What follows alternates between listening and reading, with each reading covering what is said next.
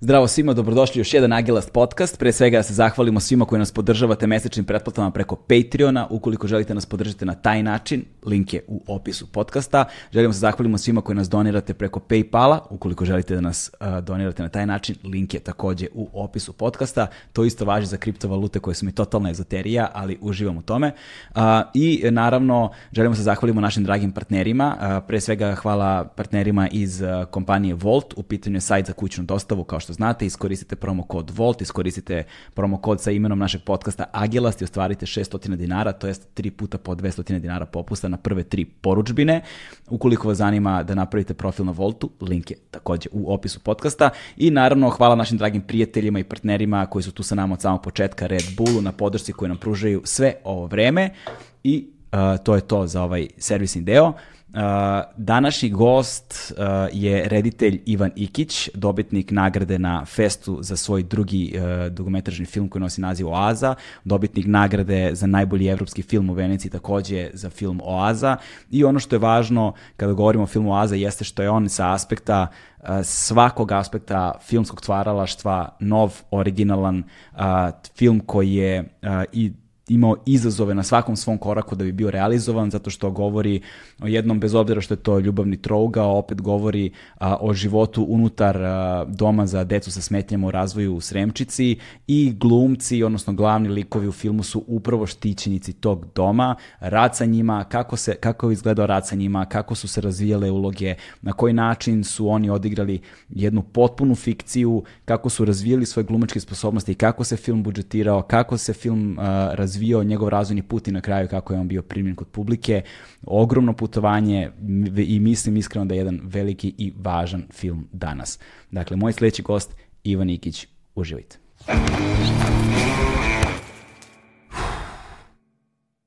Hmm.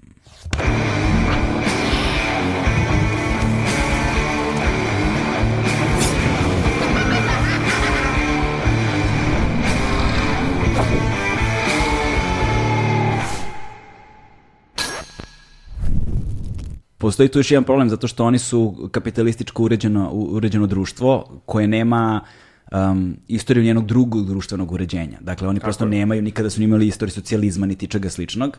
I Ni se... feudalizam pre toga. Da, između ostalog. Koji bi kreirao, ovaj, kako se zove, te prve, ovaj, tu prvu raspodelu ovaj, kako se zove, kapitala i, i moći, mm. nego oni počinju pravo iz ovaj, uh, iz kapitalizma. Znači. Da, iz kapitalističkog uređenja i njihova ono, psihološka konstitucija u potpunosti građana u odnosu prema tome i oni ne vide nikakav problem niti mane. S druge strane, istovremeno su upumpavali uh, svoju ideju o kapitalizmu negde kroz bauk komunizma. Znaš, da. Oni su uvek imali taj strah i otklon i to je nešto najgore, najmračnije, najcrnije na svetu.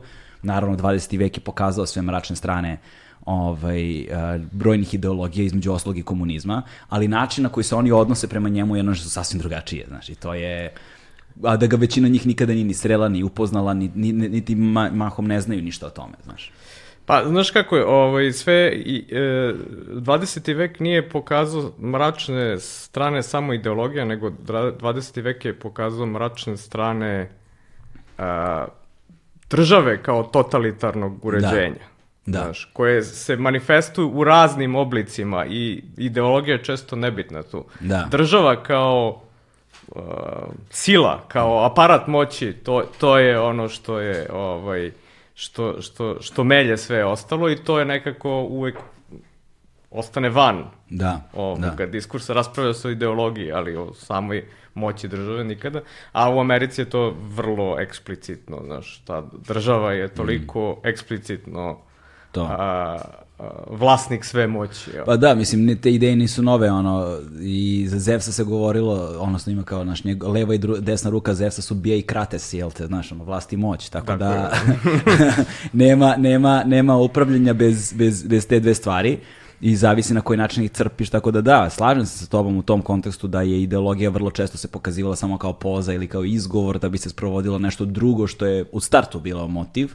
Tako je. I onda imamo tendenciju vrlo često i da ocenjujemo ideologije kroz njihova voploćenja loša u tim ono a, sistemima 20. veka. Tako bi hrišćanstvo kao Znaš. ovaj ideologija kako bi prošlo na tom ocenjivanju, koliko je ono zla hrišćanska ideja To, to, to, to. donela To. Ne, u istoriji civilizacije.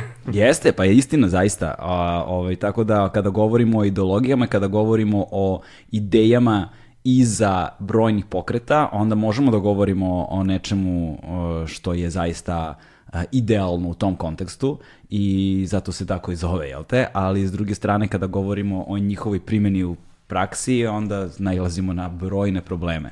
No, to je samo jedan, ovaj, to je samo jedna od tema koje, koje nas danas zanimaju. Pre svega, dobrodošao. Hvala. Ovaj, Hvala na pozivu. I baš mi je zadovoljstvo da si ovde. A, poz, povod je bio zapravo film Oaza, a, koji je ovenčan nagradom za najbolji evropski film sada u Veneciji, skoro nešto kada je to bilo. U septembru. U septembru, da, ali s obzirom na celu ovu situaciju to je skoro, jel te? Spo, sporo putuju vesti sad. da, da, da, sporo, da, sporo putuje, ali je skoro bila premijera ovde. Jeste, da, i, i zapravo zato što uh, nakon septembra i jednog kratkog talasa festivala Mm. svet je ponovo potonuo jedan san iz kog se skoro probudio pa su počeli vesti valjda da pristižu, a i film se nekako prikazao kod nas pa su onda i većina ljudi nekako dobila neku bližu sliku šta i o čemu se radi, kakav je to film i i imala je prilike da ga pogleda i da onda može na osnovu toga i da donese neke sobstvene zaključke. Trebalo je zapravo da budeš gost u vreme kada je premijera bila, ali mi nismo bili tu fizički i onda smo, ovo je bio najbliži mogući termin, ali ovakve stvari bi trebalo da traju, pa ne bi trebalo da su vremenski osetljive, barem u tom kontekstu. Ne zastare. Ne zastarevaju, da, ne zastarevaju. Um, ali hajde da razmišljamo dakle bismo mogli da počnemo.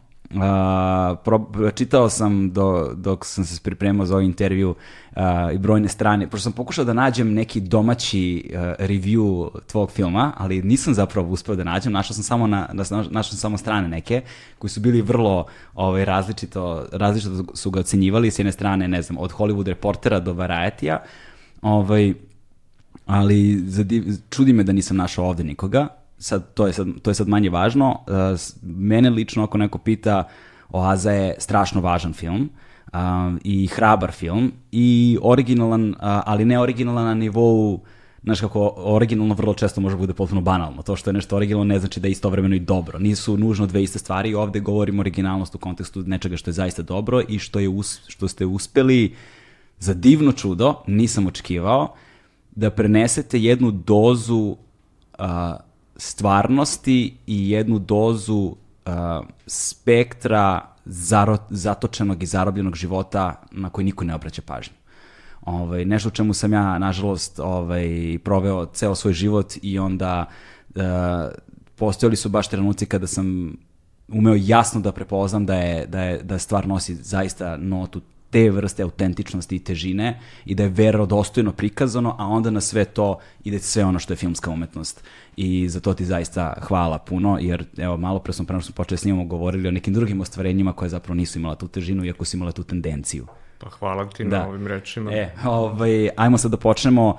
Um, uh, u kratkim crtama, uh, za ljude koji nisu gledali, uh, samo reci, molim te, uh, šta je film Oaza, da ne otkrijemo previše, jel te? Znači, ono osnovne, osnovne premise za film, pa onda da nastavimo. Da, film Oaza je jedna ljubavna priča koja se događa u, u, u jednoj instituciji gde žive e, mladi ljudi sa smetnjama u razvoju i u pitanju je jedan ljubavni trougao u kome su dve devojke zaljubljene u istog e, momka koji se nepredviđeno a, razvija u jednom, kako da kažem, šekspirijanskom a, zapletu i kraju.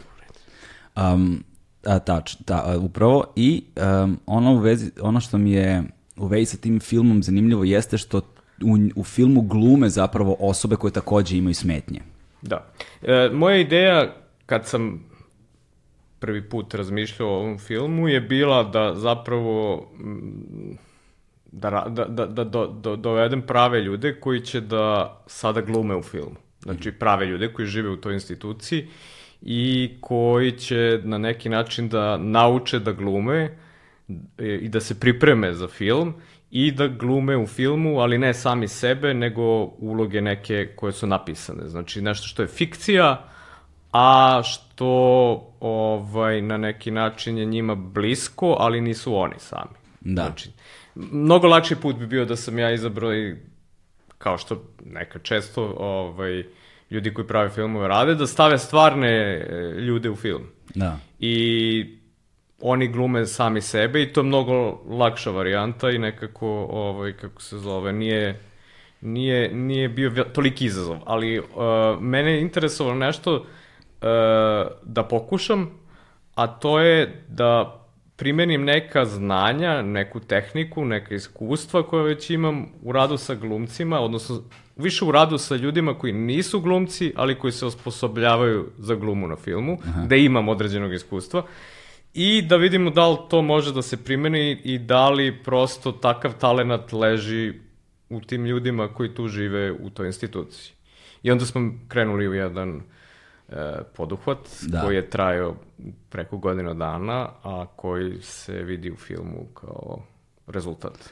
Ove, ovaj, I to bi otprilike bilo u vezi sa ovim filmom, pored drugih tema, dve osnovne, dve osnovne podele našeg razgovora. Jedna je sam film, postupak, uh, teme, motivi, način, poteškoće, način na koji ste se izborili sa tim poteškoćama, ali drugi je ceo pripremni period. Mm -hmm. Jer straho, strašno me zanima ovaj, kako je funkcionisao casting, kako je funkcionisao odabir, kako si se dogovara uopšte sa institucijom, jel možemo pomenemo koja je institucija u pitanju? Da, to je dom u za, za mlade u Sremčici. Tako je, ovaj, kako se dogovarao sa njima, sigurno su i, i to bile ono određene svojevrsne procedure, kako izgleda odnos sa ljudima iz sistema socijalne zaštite, koji znamo kakav je u Srbiji, mnogi ako ne znaju saznaće verovatno u toku ovog razgovora. I, dakle, tako da, ja mislim da taj film ima dva života, ono, život pre samog snimanja i život tokom samog snimanja. Jeste, ovaj, uh I, I dobra stvar zapravo od početka je bilo što je toliko zvučao ovaj, neverovatno svima, da su svi mislili da će propasti, da se neće desiti, tako da su sve prepreke tako nestajale usput, da. jer valjda toliko je zvučao nerazumno. Nemoguće, da. I nemoguće. Da. Na početku da su ljudi onako bili, u fazonu, ok, ako baš mm. hoćete time da se bavite i da probate, ajde da vas vidim da, šta da. će da ispadne, ali mi znamo da neće ništa. Da. Dve stvari pre nego što počnemo razgovor na tu temu na kojima moram da ti se zahvalim, jeste prva zato što i u tvom govoru i u komunikaciji obraćate se i govorite da su u pitanju osobe sa smetnjama ovaj, ili sa poteškoćama, a, što je strašno važno zato što s jedne strane, evo, baš čitajući te strane reviewove, svi su govorili o special needs, odnosno lju osobama sa posebnim potrebama i jednom za svakda da to završimo tu temu, svi imamo iste potrebe, ne postoje posebne potrebe, tako da hvala ti s jedne strane na tome. I druga stvar na koju ti se zahvaljujem jeste što je ovo prvi put zaista u, u, na jedan veoma dobar način da osobe sa smetnjama nisu tretirane kao deca. Da, da, da, pa to, to je... je jedan ovaj, kako se zove, kliše koji se uh, provlači još od sredine 50. godina kada je krenuo taj pokret uh, uh, to on se zove nešto uh, roditeljski pokret ili tako nešto, gde je, naravno u tom kontekstu vremena uh, sve je bilo drugačije da. i tome uh, dosta svedoči uvodni arhivski materijal koji sam ja pronašao snimajući ovaj film i koji sam stavio na početak samog filma gde se vidi taj isti dom u kome se radnja dešava samo 50 godina ranije kada se otvarao u jednom drugačijem duhu i jednoj drugačijoj atmosferi uh, sa puno optimizma, ali i podsjećanja zapravo kako je izgledao život tih ljudi samo deceniju ili dve pre toga. Da. Znači, kad stavimo stvari u kontekst da su se ne znam, 30. godina pravile koncentracioni logori u Nemačkoj, gde su uh, takve osobe prve zapravo bili prvi uh, uh, stanovnici koncentracionih logora u Nemačkoj, pre samog drugog svetskog rata. Uh, pa onda na sve ono što se dešavalo u mnogim evropskim zemljama i posle drugog svetskog rata, pa do samih 70-ih to su bile uh, prisilne sterilizacije, uh, oduzimanje svih prava i tako dalje. U tom kontekstu, sad kad gledamo, ovaj, uh, vidi se neki progres, jer tako, nešto smo kao uspeli, ali na, na, negde vrlo skromno, rekao bih. Da. Kad e, stavimo u istorijsku perspektivu. Da, važno, je, važno je imenovanje stvari na pravi način, zato što kada imenuješ stvar na pravi način, onda je materializuješ negde na pravi način i imaš mogućnost da stvoriš odnos prema njoj na pravi način i zato je u ovom slučaju to vrlo važno, što je negde i u, po, nakon dugogodišnje borbe uspeli smo da se izborimo za to tamo 2011. godine kada je najzad bilo tih dopuna izmena zakona o socijalnoj zaštiti koja je zapravo bila toliko velika da je bilo novi zakon o socijalnoj zaštiti. On je sad star praktično 10 godina i dalje se o njemu govori kao o novom zakonu, ali je fora u tome što bez obzira na to što je zakon izmenjen, vrlo malo toga je promenjeno u praksi i mi danas živimo jedan tamni vilajet socijalne zaštite koji je ono katastrofalan na mnogo nivoa Ovaj, I to je nešto što se strahovito dobro vidi vizuelno i emotivno i u atmosferi u tom filmu i zbog toga što, baš zbog toga što ti likovi tako malo govore, zapravo se tako mnogo kaže. Ovaj, I u tim ogromnim pasažnim sekvencama, u tim dugim kadrovima, zaista stoji jedna teskoba i jedno osjećanje zarobljenosti svojevrsne u jednom životu na koji koji bukvalno niko ne obraća pažnju niti u jednom jedinom trenutku. I to je ono što je ta mučnina neka s kojom se nosiš sve vreme pokušavajući da pratiš radnju, da se izboriš sa tim emotivnim odnosom je nešto što je ovaj, nešto, nešto, nešto što je meni zapravo ostavilo možda jedan od najsnažnijih utisaka. To je bila moja ideja kad sam pravio film, da sa takvom nekom sa takvim nekim utiskom e, izađeš nakon gledanja filma i da nekako osetiš taj život iz perspektive tih junaka. Da. da nije nešto što je sada neka naknadna pamet ili neka o, opšta vizura ili neka ovaj kako se zove distanca mm -hmm. nego da si unutra da osjećaš sve što oni osjećaju da vidiš i čuješ ono što oni vide i čuju da. da si u svakom trenutku u njihovim ovaj cipelama kako bih da, rekli da, da E, e, to je meni bilo bitno od početka i zato je i priča tako strukturirana da iz tri različite perspektive posmatramo film. Jer tako, svak, svaki od junaka ima svoj deo filma iz koje posmatramo priču. I e, nekako, bilo, bilo je druga stvar, uh, jako bitna, a to je da uh, kad, taj subjek, kad imamo taj subjektivni osjećaj uh, iz koga, uh, koga gledamo svet, ne smemo nikad ni da znamo više nego što znaju ti junaci. Mm -hmm. Ni u jednom trenutku. Znači, to je ono što u, u filmska konvencija uvek ti kao gledalcu servira nešto da ti kao gledalac znaš nešto više nego što zna taj junak u toj sceni. Da, takozvana dramska ironija. Da, pa, da. koristi se za, kao na, najobičnija tehnika, znaš, ono, to je sada toliko u, u, u, prisutno u filmovima, u serijama, tako, ne, ne, i u romanima ti ne obraćaš pažnju ovaj, ko priča, znaš i iz čije vizure posmatraš uh, određenu scenu. Tako da uh, stavljanja gledalca u perspektivu junaka da ne znaju ništa više nego što ti junaci u tom trenutku znaju, uh, nekako gledalca stavlja u, u, u još više u tu, u tu njihovu u teskobnu mm. situaciju.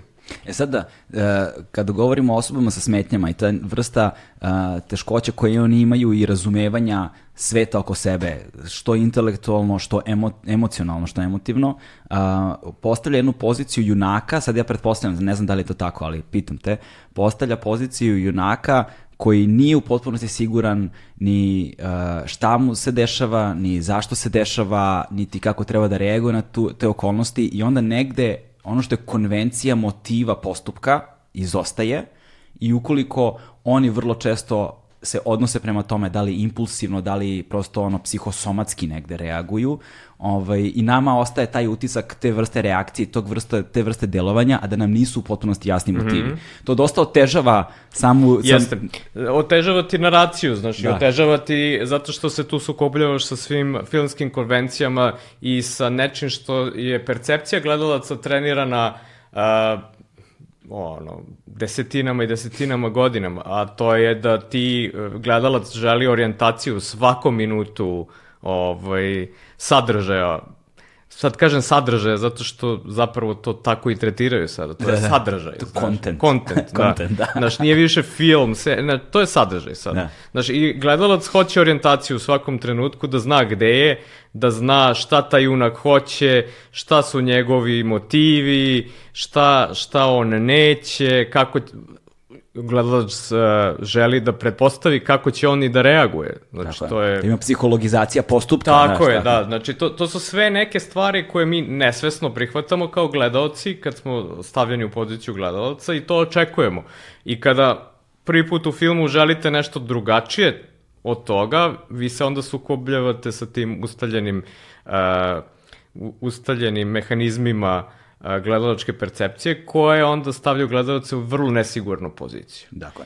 I tu je ono i tu je ono gde sad film dolazi, kaže prelazim pola puta, čekam te tu. Znaš, i onda čeka zahteva vrlo angažovanog gledaoca. Tvoj film zapravo zahteva vrlo angažovanog gledaoca. Strašno mi je drago zbog toga s jedne strane, ali mi je isto tako malo i krivo jer to automatski naš izbacuje film iz nekog mainstreama. Ja se zaista nadam da će živeti ono dobar uh, bioskopski život. Jeste, ali zato e, takav film e, podstiče e, ljude da dugo misle o njemu i dugo ostaje u njihovim životima, znaš. E, meni je bilo bitno da e, ovaj film ne iščezne kad se završi projekcija ili kad se završi gledanje njegov. Nego da ostane dugo u, u mislima ljudi koji ga gledaju. Možda ta publika neće biti toliko velika, ko, verovatno da je ispriča nekom konvencionalnom metodom a, filmskog pripovedanja, verovatno bi publika bila veća i šira, ali mislim da on ne bi bio verodostojan prema svojim likovima. I on bi bio napravljen možda za širu publiku da ona može da ga lakše a, konzumira Da. Ali e, nikada ne bi tako duboko ušli u svet naših junaka, a da nije ovako film e, napravio. I pored toga, uh, važno je zbog samog filma i zbog samog umetničkog postupka, ali i zbog priče koja je zahtevala to da film bude beskompromisan u tom kontekstu i to si zaista uspeo da uradiš, svaka ti čast na tome, uh, ali i zato pozivam sve, ono, nadam se da ćemo mi doprineti tome, idite, pogledajte film, spremite se, odmorite se, idite, sejte i uh, ve, bit će veliko iskustvo za vaš život, zato što si se ti između oslog uhvatio u koštati sa nečime sa čime ne znam da li se neko ranije uhvatio ne na ovakav način. Što znači da si ti prihvatio ceo jedan svet o kojem ljudi ne znaju ništa i sad ti treba nekako da ga preneseš i da postaviš šta je minimum stvari koje mora se postaviti da bi se negde kontekst razumeo i da bi se preneo i atmosfera i emocija i, i te, ta životna teskoba i sve ono sa čime su se oni možda borili pre toga i ono što ih čeka, to otvoreno pitanje na kraju, ta neizvesnost njihovih sudbina za koju najčešće nikoga nije briga. Ovaj, I činjenica da su ljudi imali taj odnos nemogućnosti i ostvarenja u samom startu kada je ideja nastajala, već govori Pa da, koliko e, je ta, strana, ta ideja strana. ta ideja je toliko strana i toliko zvučalo neverovatno u tom trenutku da, znaš, možda je to i pomoglo da se desi. Da. Ja sa druge strane mislim da, da je to sve delovalo tako izvesno uh, da bi verovatno uh, pitanje da li bi mi danas taj film snimili. Znaš, jer ovako kad ideš nekako protiv svega i, i nemaš neku baš izglednu poziciju, onda je to motiviše sve ljude koji rade sa tobom da, da ne posmatraju tvoj film kao neki uh, posao samo, nego nešto što ima neku višu vrednost za sve nas. I, uh, I svi ljudi koji su radili na ovom filmu nisu ga doživljavali kao neki, kako bih rekao, Tezgu. kao neku te, ma ne ni tezgu, nego posao, nego tu je potrebna investicija koja prevazilazi sve što je ono posao, jer ti si tu i kad si na tom snimanju ništa drugo ne postoji, ono, jer ti prosto nemaš kapaciteta za bilo šta drugo, jer si ti u isto vreme i filmski radnik, i socijalni radnik, i psiholog, i sve. Zanimljivo je za mali broj ljudi koji su to učinili, oni će znati, ali za veliku većinu koja nisu. Zanimljivo je kako se menja percepcija sveta sekunde kada kročiš kroz kapiju u domovima. Tako je. Znači, sekunde kada se ta kapija zatvori za tebe kad ti ulaziš u takozvani, po znacima navoda, njihov svet, potpuno je drugačije.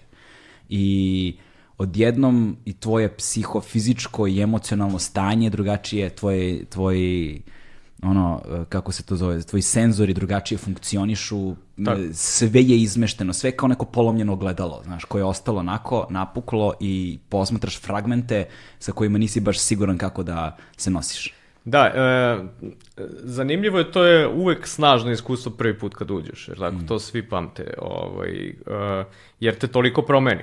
Mm. Znaš, to, ali to je nešto što o, postoje neka mesta koje, koja te e, promeni iz jednog razloga, zato što u njima jasno spoznaješ kako e, društvo funkcioniše u celini na jednom tako ekstremnom slučaju. Jer da. ti onda shvatiš kako mi svi funkcionišemo, uh, ali uh, ne razmišljaš na taj način jer ti nije tako ogoljeno, kao, mm. nije tako eksplicitno, da. znaš. Da. I onda ti moraš ponovo da reprocesuiraš šta se sve događa u tvom životu i na koji način smo mi svi ovaj, na neki način determinisani ili usmereni u jednom ili u drugom smeru ne svojom voljom, nego da. kontrolom određenog Da. I koliko zapravo u životu negde pristajemo na brojne konvencije svakodnevnog tako je, tako života, je, tako je. koje nestaju sekunde kad, tako je, kad, kroz kročiš, kad da. kročiš tamo i postaješ svestan i sobstvenog luksuza i sobstvenih privilegija i sobstvenih srećnih okolnosti negde na kraju krajeva i slobode da ne razmišljaš o nekome drugom znaš, sa velikim D, kogod taj drugi bio. Ovaj, ali hajde da počnemo negde priču iz početka. Kada dolaziš i kako na ideju za jednu ovakvu priču?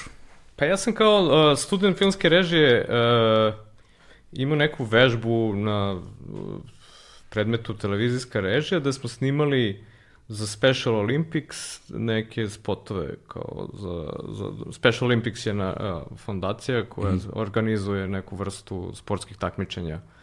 Uh, I tada sam prvi put zapravo imao priliku da uđem u dom u Sremčici. I tu Kada sam, je to bilo? To je bilo 2003. godine, recimo. Aha, znači baš davno. I, da, da, baš da, davno. Da, da, da. I tu sam proveo jedan dan i snimio taj spot koji je bio jako zanimljiv o nekom dečku koji igra košarku.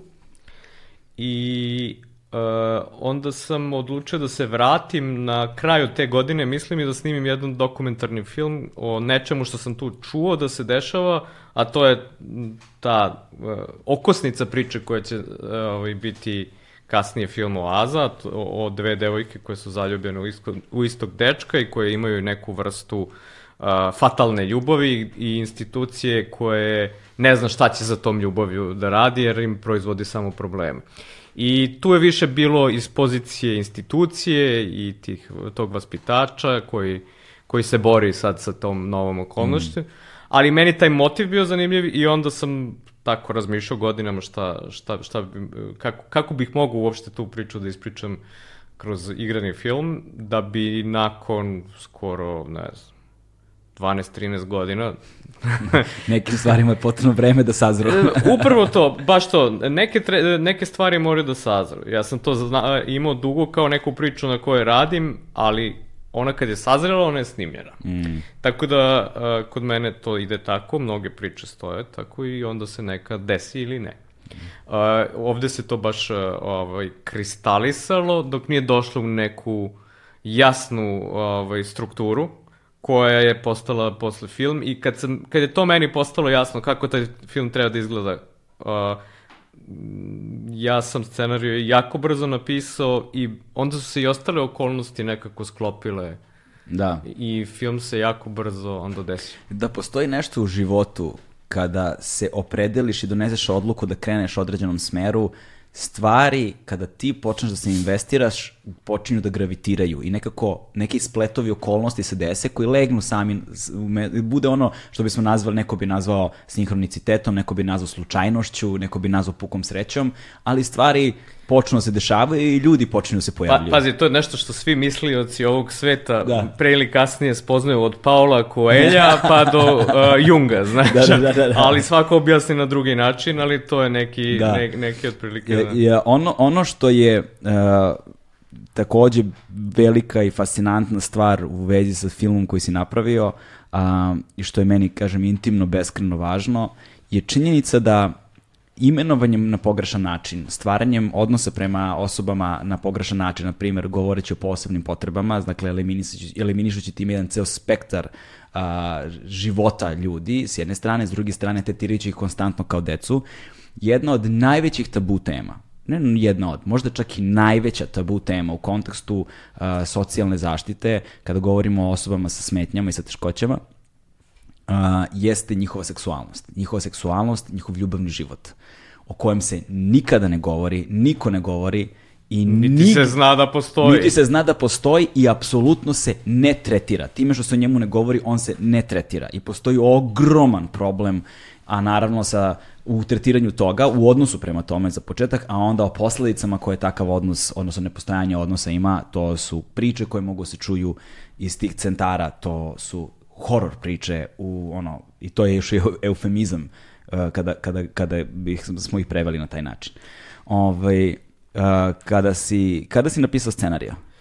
Pa ja sam scenariju napisao 2016. godine, mm. ovaj, bi, dobio sam bio uh, neku vrstu rezidencije Kanskog festivala gde sam u Parizu zapravo proveo neko vreme uh, u vrlo uh, nekim fancy okolnostima gde sam ovaj, kako se zove, primao neku vrstu plate i živio u, u ogromnom stanu na Pigalu i trebao da pišem taj scenariju. Međutim, nisam nešto, bog zna šta napisao tu, ali sam dosta imao vremena da razmišljam i da nekako sa distance uobličim tu priču, a u isto vreme sam negde krenuo već da, da, da odlazim u, u, ovaj, u Sremčicu sada ponovo i da prosto nekako razmišljam o tome ko bi bili ti junaci koji bi mogli da, da, da glume ove koje sam ja već smislio i, da. i napisao.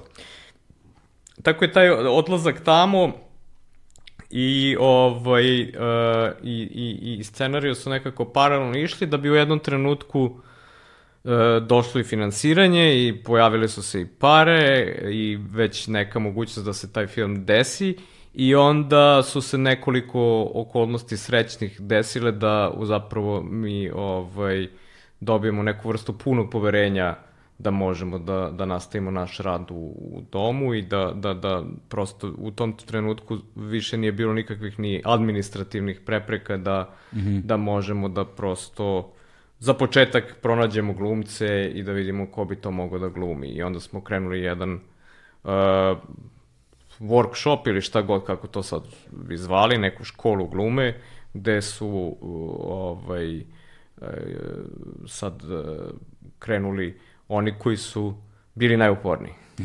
Rekao bih oni koji su bili najuporniji, a koji su i ovaj, e, koji nisu lako odustajali. Mm. I onda smo u tom procesu otprilike i došli do naših glavnih junaka. Koji, to je trajalo dugo, to je bio jedan jako neizvestan i spor proces, jer to je nešto što nisu postojala nikakva prethodna iskustva. Jer tako, jer pa da. ja nisam znao da iko Uh, bilo je osoba sa smetnjama u razvoju kao jednog lika uglavnom nekom, u nekim marginalnim ulogama, ali nije bio film u kome oni igraju glavne uloge i da. to nikakvo iskustvo prethodno u tome nije postojalo i nismo prosto ni znali ovaj, na šta da da li ima na, na šta da se oslonimo, znaš, da li postoji neka metodologija koja, mm. koja bi bila primenjiva, znaš, kao kada učiš nekoga da crta, pa, znaš, kao ima neko, neka pravila koja je sad linija, sad o, kriva, mm. pa kuća se crta, pa onda lik, pa, da, da. znaš, ovde je sve bilo tako, ovaj, jedna praznina. Da.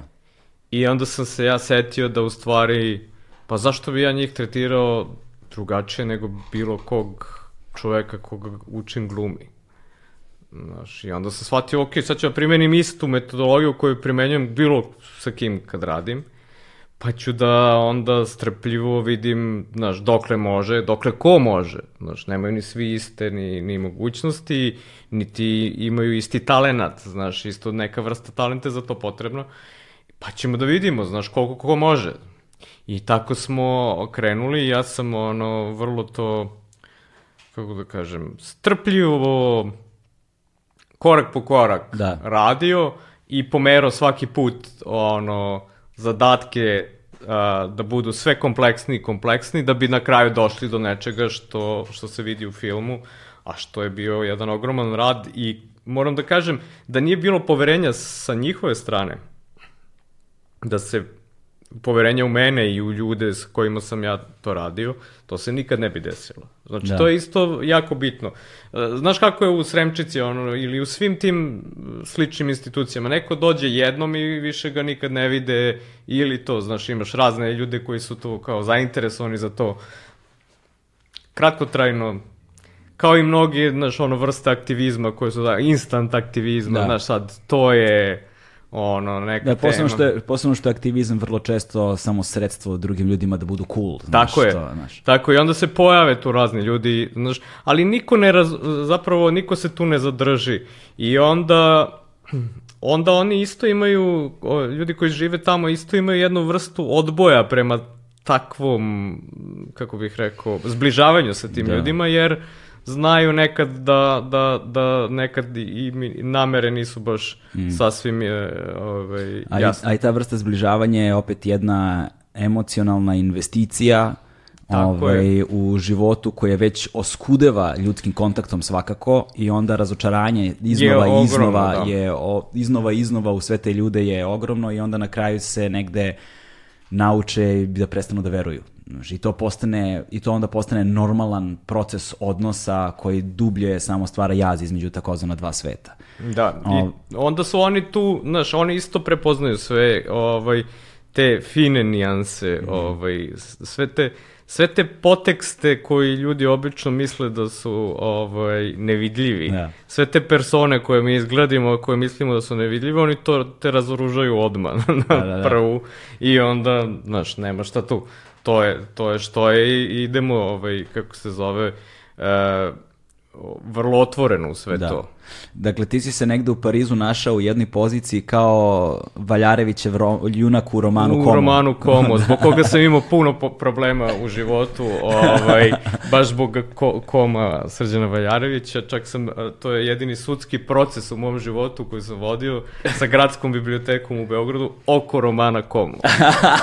Šta, previše dugo ostao kod tebe? Previše dugo ostao kod mene, ja sam nešto otputovao tokom nekog leta i onda sam dobio tužbu od biblioteke. Ja sam naravno vratio knjigu, e, kupio još knjiga što je zahtevalo, ovaj, kako se zove, što je biblioteka zahtevala, međutim oni su u tom, e, već podneli tužbu protiv mene Aha. i onda se taj sudski proces vodio jedno pet godina da bi na kraju bio oslobođen, ali sam morao da platim neku taksu sudsku jer su me oni već tužili, onda da. sam ja platio tu taksu I to je tako prošlo još jedno pet godina da me jedno jutro, dok me jedno jutro nije pozvao sudski izvršitelj da mi naplati sada jedno pet puta više istu tu taksu koju sam platio Da, da, da. Ovaj, pet godina ranije, sreću moja majka je sačuvala priznanicu, pa smo se i onda još... dakle, dakle, ti si druga osoba u mom životu koju znam da je izvršitelj dolazio zbog knjige. tako je, tako je, ali bilo je još, čitao sam o tome u, i u novinama čak. Da, da, da. I, ovaj, to, to ti je snaga države. Da, to je snaga, znači ne. za knjigu će da ti uteraju... Za knjigu možeš da robijaš, ali za... ali neke druge stvari neke ljudi druge neće vidjeti dan robije nikada. Tako je. Ovaj, e, sada, um, U fazi pisanja scenarija a, a, i u fazi posle realizacije, koliko su se stvari menjale, koliko ono što si ti zamislio i koliko ono što si zapisao a, je, je moglo da se desi ili odstupalo od onoga što je stvarno dozvoljavala? Pa pazi, sigurno 90% onoga što sam napisao to je ono u film, onako kako sam zamislio. Mm -hmm. po, postojalo su još neke stvari koje sam napisao, koje sam shvatio u toku rada da prosto su nemoguće da se dese što zbog uh, naših uh, prosto limita, uh, koji su bili pre svega, znaš, ono, uh, personalni, jer nas je bilo jako malo na snimanju da bi uopšte ovakav film mogli da snimimo mm. i onda neke scene koje su mnogo kompleksne sa mnogo više ljudi uključene, onda shvatimo da to ne, ne može da se desi jer prevazilazi naše kapacitete prosto, a možda uh, nam ovaj, ni ne trebaju. Jer, pazi, film je trajao jedno dva i po sata prva verzija, tako da, znaš, ovde je više scena ispadalo nego da je nešto sad da. tu falilo, znaš. I, ovaj, tako da se pročistio mm -hmm. i kroz to, ali ajde da kažemo da 90% scenarija je u filmu i da je to nešto, i to vrlo precizno izvedeno, u smislu da kao ono kako sam ja zamišljao te scene, one su ispale tako kako sam zamislio, često... Mnogo... Prema didaskalijama, onako baš... Kao, da, često mnogo bolje nego što sam mogu ovaj, um, Nakon uh, razvoja scenarija, uh, dve stvari koje me ono najviše zanimaju i s jedne strane pronalaženje novca i u procesu pronalaženja novca uh, kako pronalaženje sluha da da, da komuniciraš temu koju želiš da obrađuješ sa onima koji bi trebalo da daju novac, s jedne strane, i s druge strane, sam proces castinga, znači od početka do kraja, kako je to izgledalo i sa čime ste se sve Pa ovako, no, za, za prikupljanje novca za ovakav projekat nekako imali smo neku sreću što to nije ni preskup film, a sa druge strane uh, ni pre jeftin pa da odbije neke razne internacionalne ko-producente ne. koji ne vide onda nikakav interes u tome, a kad je preskup onda prosto opet nije interesantno jer kome treba preskup film iz Srbije, šta će s tim da radi na nekom da. globalnom tržištu. Tako da se on tu našao u toj nekoj zanimljivoj poziciji. A, s tim što je a, prvo dobio pare u Srbiji na konkursu filmskog centra i to je bilo konkurs kojim, kojim je predsedavao Gordan Mihić, što je meni posebno bilo drago jer na neki način a, sve ono što, su, što, što, što je on počeo u crnom talasu, našlo je neku, kako da kažem, neku refleksiju i ovde, mm -hmm ne na isti način, ali neka, kako da kažem, ne, neki odnos prema čoveku da. se o, o, osjeća koji je počeo tada u našem filmu i, i, i prosto to je neko nasledđe koje ja volim da spomenem kao neki, kako da kažem, koje mene oblikovalo, nesumnjivo. Mm. A, I a, s, a, nakon a, a, te, tog, tog, tog inicijalnog kako da kažem, boosta, finansijskog boosta kod nas, onda su se i drugi koproducenti iz inostranstva polako interesovali, neki su bili apsolutno zgroženi sa tim šta mi želimo da uradimo i gledali nas kao potpune ludake i nastupali iz nekih zaista onako uh, neke te čudne ovaj, e, politički korektne pozicije koje ne, ne dozvoljavaju da se, što, još jedna sumanutija pozicija, koje ne dozvoljavaju da se bilo šta ikada snimi o takvim ljudima, mm. zato što je to u njihovim uh, mislima može da bude samo eksploatacija i ništa više, znači samo samo takvo, ta, ta, samo, znaš što je ono, samo mm. crnci mm. mogu da snimaju filmove o crncima i tako dalje. Da. Znači to je taj neki sad ono liberalni diskurs koji je Otišao dođe vola. Otišao, otišao potpuno dođe vola, da. znaš, i onda sad kao umetnost će se pretvoriti samo u, u neki, u autobiografiju, vajda, ili šta. Nažalost, u umetnosti je već dugo autobiografija. Jeste, da, da, da. Mislim, u svim ume, oblastima ume da bude odlična autobiografija, ali ume da bude vrlo banalna. Da. A, ali da se vratim, uh, sećam se jednog razgovora koji smo imali sa jednim jako poznatim francuskim producentom koji je ovaj, pričao sa nama, imao sastanak i bio besan nakon toga kad sam mu ja objasnio šta želim da snimim i kako želim da snimim. I onda je to toliko bio besan da je nakon sedam dana, recimo, poslu meni i producentu ovaj, e-mail u kome je rekao kako je sad shvata koliko je srećan što ne mora da radi sa ljudima kao što smo mi. Zamisli ti to, brejebote, strašno. Tako da, ovaj, i takve reakcije imao, mm. znaš, film, ali imao je i sjajne neke ljude koji su se oko njega okupili, mm. koji su zaista prepoznali e, nešto ovaj, što, što se na filmu ne viđa ili o, ne baš često mm -hmm. i što ima neku, kako da kažem, e, da njihov skroman doprinos tome može da, da, da, da, da napravi jedan zaista uh, uh, film ko, kog se oni ne da neće stiditi, nego će biti ponosni da. na njega.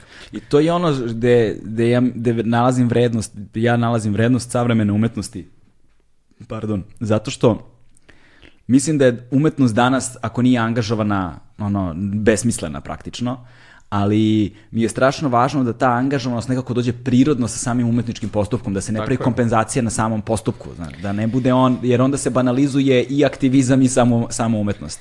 A ovaj film činicom da uopšte postoji je važan. Dakle, ne samo time na koji on način urađen i šta se tu dešava i bla, bla, bla, bla. Van toga, činjenica da je uopšte urađen i da postoji je ono jedna prekretnica, jedna važna tačka koja nadam se, nadam se može da otvori vrata nekim drugim autorima da nastave da rade na drugi način ili prosto negde tipičnoj populaciji da približi jedan svet koji je za njih do sada ostajao kao i za gvozdene zavese. Jeste, i me, me, meni, je, meni bi bilo značajno da vidim i druge ljude koji. Neke druge teme pokreću na sličan način, da. otvaraju neke nove svetove, neke nove perspektive, da upoznajemo neke nove ljude, neke drugačije ljude od da. onih koji viđamo.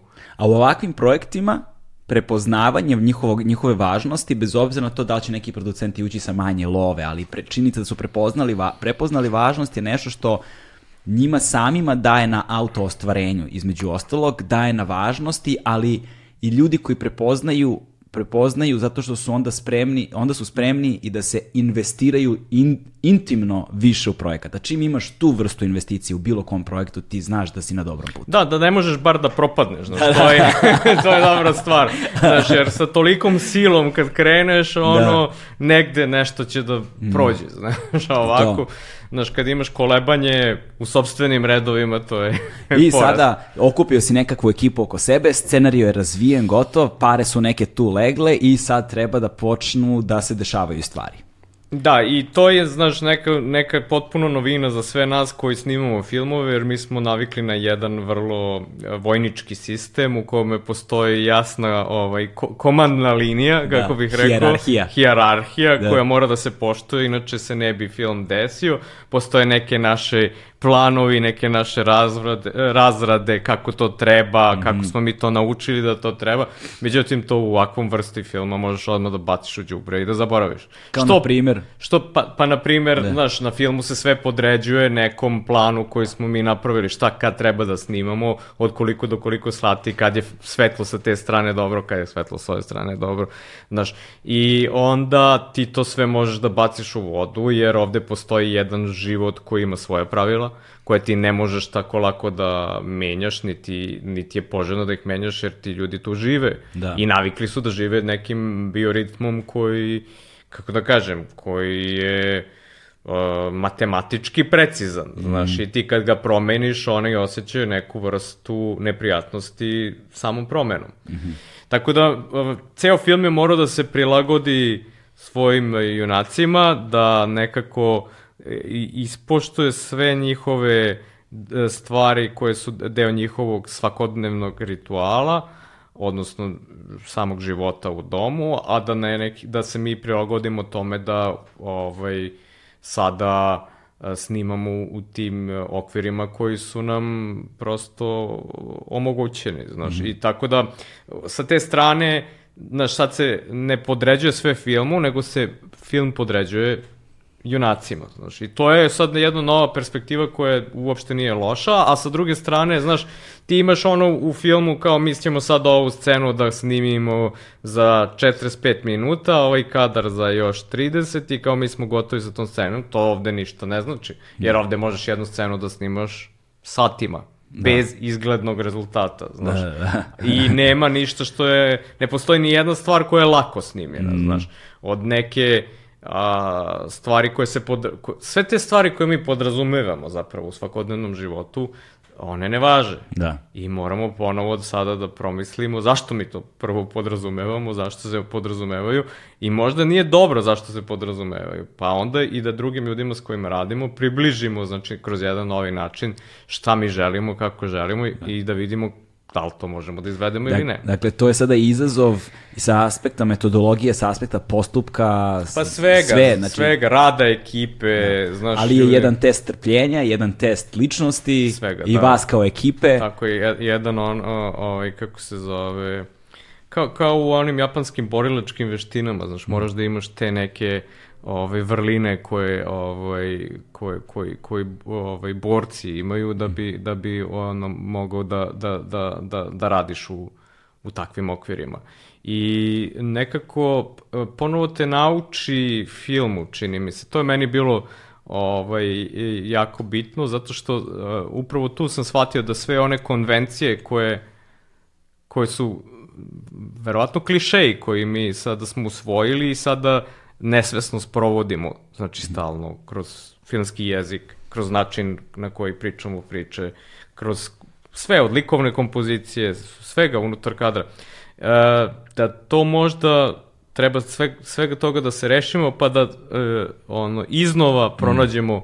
koje su to sredstva kojima mi želimo ovu priču da ispričamo i kako da ih podredimo junacima koje imamo i da ostanemo njima dosledni na neki način, a da, uh, da, da ostanemo njima do, dosledni, a da neki na, da, da, da, da prosto gledalci mogu tu priču da gledaju kao film, da nije sad neka vrsta, kako kažem, negledljivog sadržaja koji da. je samo u formi nekoj uh, filma, a zapravo nema nikakvu... Da je zapravo samo izgovor za film. Pa da je izgovor za film, da. tako je. Znaš, to je često, često se zanesu ljudi i završe u takvoj nekoj klaustrofobičnoj, uh, obs, obsesivnoj uh, uh, filmskoj, filmskom asemblažu nečega, da. znaš. Da, to, to je, nije... zapravo, to je zapravo e, celokupna okolnost da bi se ovakva film snimio je toliko radikalno drugačije od svega što su konvencije filmske. Tako je. Tako I... da ste vi u samom postupku od pisanja do, raz, do uzimanja para, do ono, ra,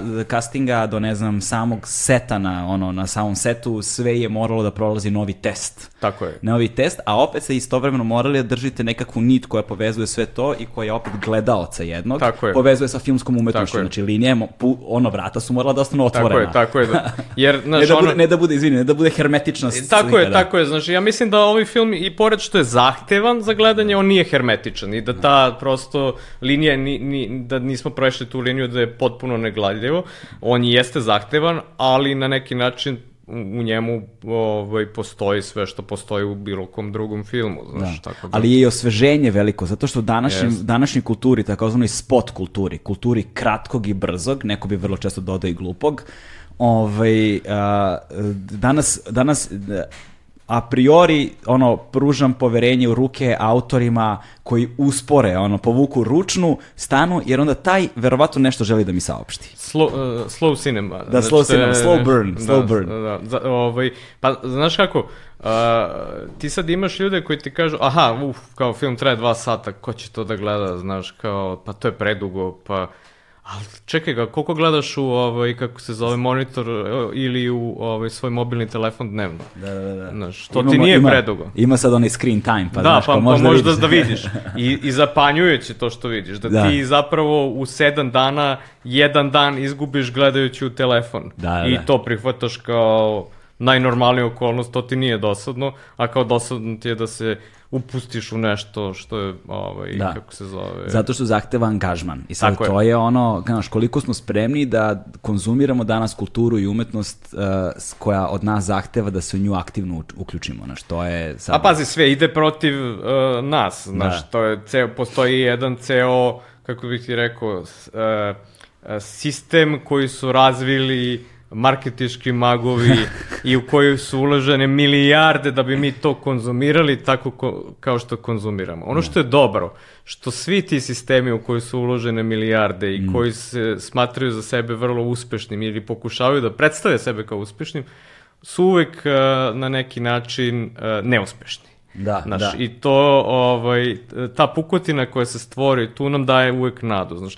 Sve ono, svo targetiranje reklama, mm. na primer, koje sprovode ovi veliki ovaj, internet igrači, a, je često besmisleno. Znaš, da. ti, ti na svom ličnom primjeru možda vidiš koliko dobijaš nekih glupih reklama koje nikakve veze sa, da. sa, sa tobom nemaju i koliko ti algoritmi su stvari zapravo jedna prevara. Da, između, između ostalog, da, ali kako kaže onaj kliše stari, svetlost kroz pukotine ulazi, znaš, i onda kada se izvrši ta vrsta represije, onda ta represija stvara jedan otpor koji onda Tako nama je. otvara prostor slobode. Tako I ovakvi filmovi jesu prostor slobode između ostalog. I Tako. to je još jedan, no, još jedan nivo njihove, njegove angažovanosti, baš upravo toj beskompromisnosti koja stoji kao kontrapunkt svemu onome što je sad trenutno ta brza kultura kao brza moda, znaš. Pa ne, zato što imaš, znaš, ti i u filmu imaš ljude koji ti stalno objašnjavaju šta je to što publika želi, šta Da. su to što su očekivanja, šta... Horor, da. horor, horor, horor. To ti je kao u književnosti. Mi kada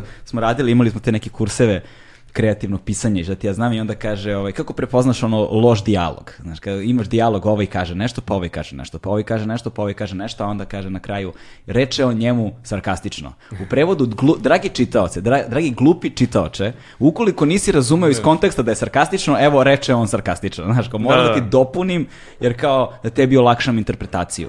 I niko, skoro niko danas kada stvara, bez obzira na to šta je, pošto kao što si rekao, sve sad sadržaj, content, znaš, koji god da je stva, stva, tvo- tvorac kontenta danas, uh, ne polazi od ono pretpostavke da ima svog ono čitaoca sa velikim č. Znaš, dakle, ili gledaoca. I podcenjuje ga. Podcenjuje ga, podcenjuje ga. Podcenjuje Ne ga pretpostavljaš nekog idealnog čitaoca gde evo ti, ovo, ovo je najbolje što ja umem. A ne kao, e, sad ću ja tebi ovde razbijem na segmente, pa ću ti napravim kratke formate, pa ću da ti ubacim ovo ono, pa ćemo da ubacimo neke captione, pa da to bude brzo muzika, dn, dn, dn, pa da ide ono, montaža na bit. Ako može sve da učinim da zadržim tvoju pažnju, umesto da učinim onako kako mislim da treba, a ti treba investiraj pažnju. Znaš, kao, ono, Tako je, e, ovaj, pažnja je nešto što se, ovaj, na čemu se radi, zna. Mhm. Znaš, ne možeš da se zahteva trening. Tako je, zahteva trening i, znaš kako, e, sa druge strane, e, mislim da, da, da se polako gubi taj kontinuitet e, e, pažnje i to, to je ono što me, e, na, na primjer, plaši, a to je da e, zapravo ti e, ne, ne, ne možeš odmah da čitaš knjigu koja ima 800 strana i govori o, ne znam, smislu života, zato što prosto nisi čitao knjige pre toga, Da, da. pa, To. znaš... Isto kako doš u teretanu, ne dižeš Nis- odmah 300 kila. Tako je, ne dižeš odmah 300 kila, znaš. Tako je, znaš, i sa filmovima, znaš, ne znam, neke filmove možda nisi u tom trenutku zreo da gledaš, a možda ćeš nekad kasnije biti zreo da I gledaš. to mi se dešavalo. Ili nekada nemaš strpljenja da ih gledaš, a kasnije im, ovaj, pronađeš ne, ne, ne, ne, nešto u njima i, i onda ti ovaj, prosto i strpljenje dođe. Znaš, tako je, e, znaš, to, to je sve stvar sazrevanja, treninga, tog, znaš, Da. kao, što više sebe investiraš, više dobiješ. Da, meni je tako Haneke došao, na primer. Ja prvi susret sa njime mi nije bio dobar, a sada mi je možda i najdraži reditelj ovaj, posle Pa filma. eto, da, znaš, posle- ali nije, on svakako nije, znaš, za laku konzumaciju i vrlo je, znaš, Između ostalog. Ali treba vreme da sadim. Tako mi je sa brojnom muzikom. Znaš, znači, Jeste. dobio sam kasetu od drugara, pustio, šta je ovo, bacio u fioku i deset godina kasnije, "O, šta je ovo da pustim? Wow, vidi dobar bend je. Znaš, tako da, Jeste, znaš šta je dobra stvar sada, što um, nikad ranije zapravo u istoriji nisu koegzistirali svi ti, ovaj, sve te knjige, sva ta muzika, svi ti filmovi i bili a, a, lako dostupni da možeš da ih iznova gledaš. Znaš, zamisli gledalca pre 30-40 godina, on je mogao da gleda samo ono što je u tom trenutku u bioskopu. Da. Znači, samo ono što... ili da čeka fest kao neku ono svetlu To je tačku. posle došlo, Da, da, da. znači posle došla televizija, jer tako pa je mogu na televiziji eventualno neki stari film da pogleda reprizno, ali... Nedeljom u pet. Je jedno je. vreme bio serijal Jean-Paul Belmonda. To se gledalo u Tako kući. je. E, ali onda seti se naša generacija ovaj, kako je gledala, znači to televizija, ako se nešto pusti na tele, ako ti neko drugi pusti na televiziji. Da, da, da. I onda sanjaš o nekim filmovima za koje si čuo da su dobri, a nikad nisi imao priliku da ih vidiš i onda ti njih zamišljaš zapravo. Da, da. Znaš, ti tu sad učitavaš nešto što verovatno u tim filmima ne postoji, ali prosto z- taj ekskluzivitet da to sad ide samo jednom i više nikad i da možda neko će da snimi na kasetu, pa ćeš možda ako imaš video rekorder moći da ga gledaš ponovo. Šta je video klub tad bio? Tako Svetinja. je, Svetinja. Tako je, svetinja. Da bi onda došao do ono kao DVD-a, DivX-a i tog sad kao kako da kažem, još uvijek je u fizičkom obliku, obliku, jer mi to sad delimo, nešto Mm. prerezujemo jedni drugima, jer tako, a sada imaš sve na klik, znaš. I ti sad možeš da gledaš celu istoriju filma na klik, kao što možeš da slušaš celu, cela istorija muzike je daleko jedan klik od tebe. Da, da, da, da, da, to, to. Što je zaprepašćujuće nekada, a nekad je i ovaj, kako da kažem, oslobađajuće. Da, znaš. da. I baš zato što je sve na klik daleko, ne, žel, ne, ne gledaš, potrebna ti je, Često. vrlo često ne gledaš, zato što ti je ta mogućnost tako lako dostupna. Tako je. I to je fora, isto kao što pažnja se trenira, tako se i trud investira. Tako je. Znači, ne, ne pamtim informaciju do koje sam došao tako što sam je googlao. Tako je. Nego na ona koju sam saznao na teži način. Tako je.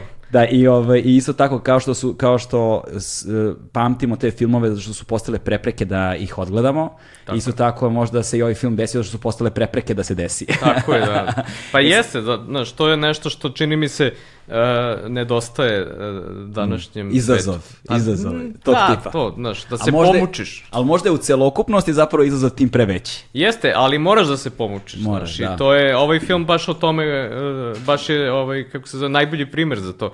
On se ne bi desio da nije zahtevao neko, neko ekstremno ulaganje u njega, znaš, koje nije pitanje Mm. Para, da. znaš, nego je pitanje i, e, ono, lične investicije ljudi koji su ga pravili. znaš. E i sa investicijom tog tipa i vere u to. I vere, da. naravno, baš na to mislim, znaš, ne, Ne, samo... Ove, sada, a, a, e, u, u, dolazite do trenutka, u kom trenutku ste vi došli do tačke da kao, e, sada tražimo likove, počne casting. Kako, kako uopšte, hajde sad i za ljude koji nisu upućeni u filmsku umetnost i to, kako se organizacija castinga i generalno izgleda, kako se ono dešava i onda kako je izgledala vaša i šta ste prošli sve na tom putu. Pa znaš, kad radiš casting sa glumcima, naravno to onda već imaš neke ljude koji te savetuju, koji su glumci zanimljivi za ovu ulogu, za onu ulogu, onda imaš neke vrste casting direktora, kod nas je to već tek u poboju, ali postoji i tako, znači, aj dobro, kod nas je dosta malo tržište, pa onda većinu tih e, ljudi ti znaš lično, tako da tu, tu je malo drugačiji proces. Međutim, kad biraš neke ljude koji nemaju iskustva, koji su uh, prvi put glumci na filmu, ovaj, onda primenjuješ neke stvari koje, ovaj, koje su neka metodologija kako se traže glumci za film koji nisu profesionalci. I onda ideš to, ako su deca u škole, sportske klubove. Takozvani na turščici, ono. Pa da, ali to, to, to zapravo nije dobar, dobro, ovaj, kako se zove, ime, zato što ja, ja lično smatram da kogod stane ispred kamere u filmu je glumac. Da. Sad, da li on prvi put glumac i poslednji, to mi ne znamo u tom trenutku, niti treba da znamo, znaš. On je tu glumac, znaš. I takva vrsta, kako kažem, respekta mora da postoji. Jer ako je on, a, a, a, ako on ne osjeća takvu vrstu re, respekta prema tome što radi, to mislim da nije okej sa strane ovaj, ljudi koji prave film. Zato što, znaš, taj čovjek je tu ispred kamere, živ čovjek koji ima neke svoje ovaj I koji tebi nešto donosi. da, to. donosi ti, ne samo što ti donosi, nego što, znaš, ono, bez njega ništa. Snimamo prazan kadar. Da, da. Tako da, znaš, to je nešto što njegovo prisustvo je samo po sebi neka filmska vrednost, jer tako, koju treba na neki način da neguješ, a ne da, ovaj, kako se zove, da to shvataš kao, znaš, to naturščik, to zvuči kao, znaš, ono, ništa je, znaš, Da. kao nešto, eto, našli ga na pijaci, stavili ga ispred i to je to, jevi ga i, ajde, nego, znaš, to je glumac koji prvi put a, glumi, koliko se ti potrudiš oko njega da ga da spremiš za tu ulogu, toliko ćeš i da dobiješ. Znaš, Da. Nikad nećeš da dobiješ više od onoga što si investirao. Sigurno. Ove, koliko god ti se posrećilo. Uh, tako da ovde, znaš, ovde imaš ograničen broj ljudi koje su mogli da dođu u izbor za film, jer smo se opredelili da snimamo u Sremčici, u toj instituciji i onda smo gledali da to budu ljudi koji su tu, koji tu žive ili koji su živeli u neposrednoj po prošlosti, međutim to se ispostavilo jako teško da se pronađu ljudi koji su već napustili instituciju, jer je bilo i takvih. Nema mnogo ljudi koji napusti instituciju, znači to je ovaj, ima mnogo više onih koji ostaju tu do... Da, ja na primer za ceo svoj život znam tri osobe koje su napustile Sremčicu. da, znaš, da, ono, da. A recimo Sremčica da u svakom datom trenutku ima oko 300 Plus, uh, da. da, tri- 300 i više svojih štićenika. Da, tako da ovaj, mi smo se na to ograničili zato što nam je bilo, kako kažem, a, jedna stvar koja, koja, koja se vidi u filmu, a to je da, znaš, da imaš ljude koji su a, odrasli u tome. Znaš. To, je, to je jako bitno.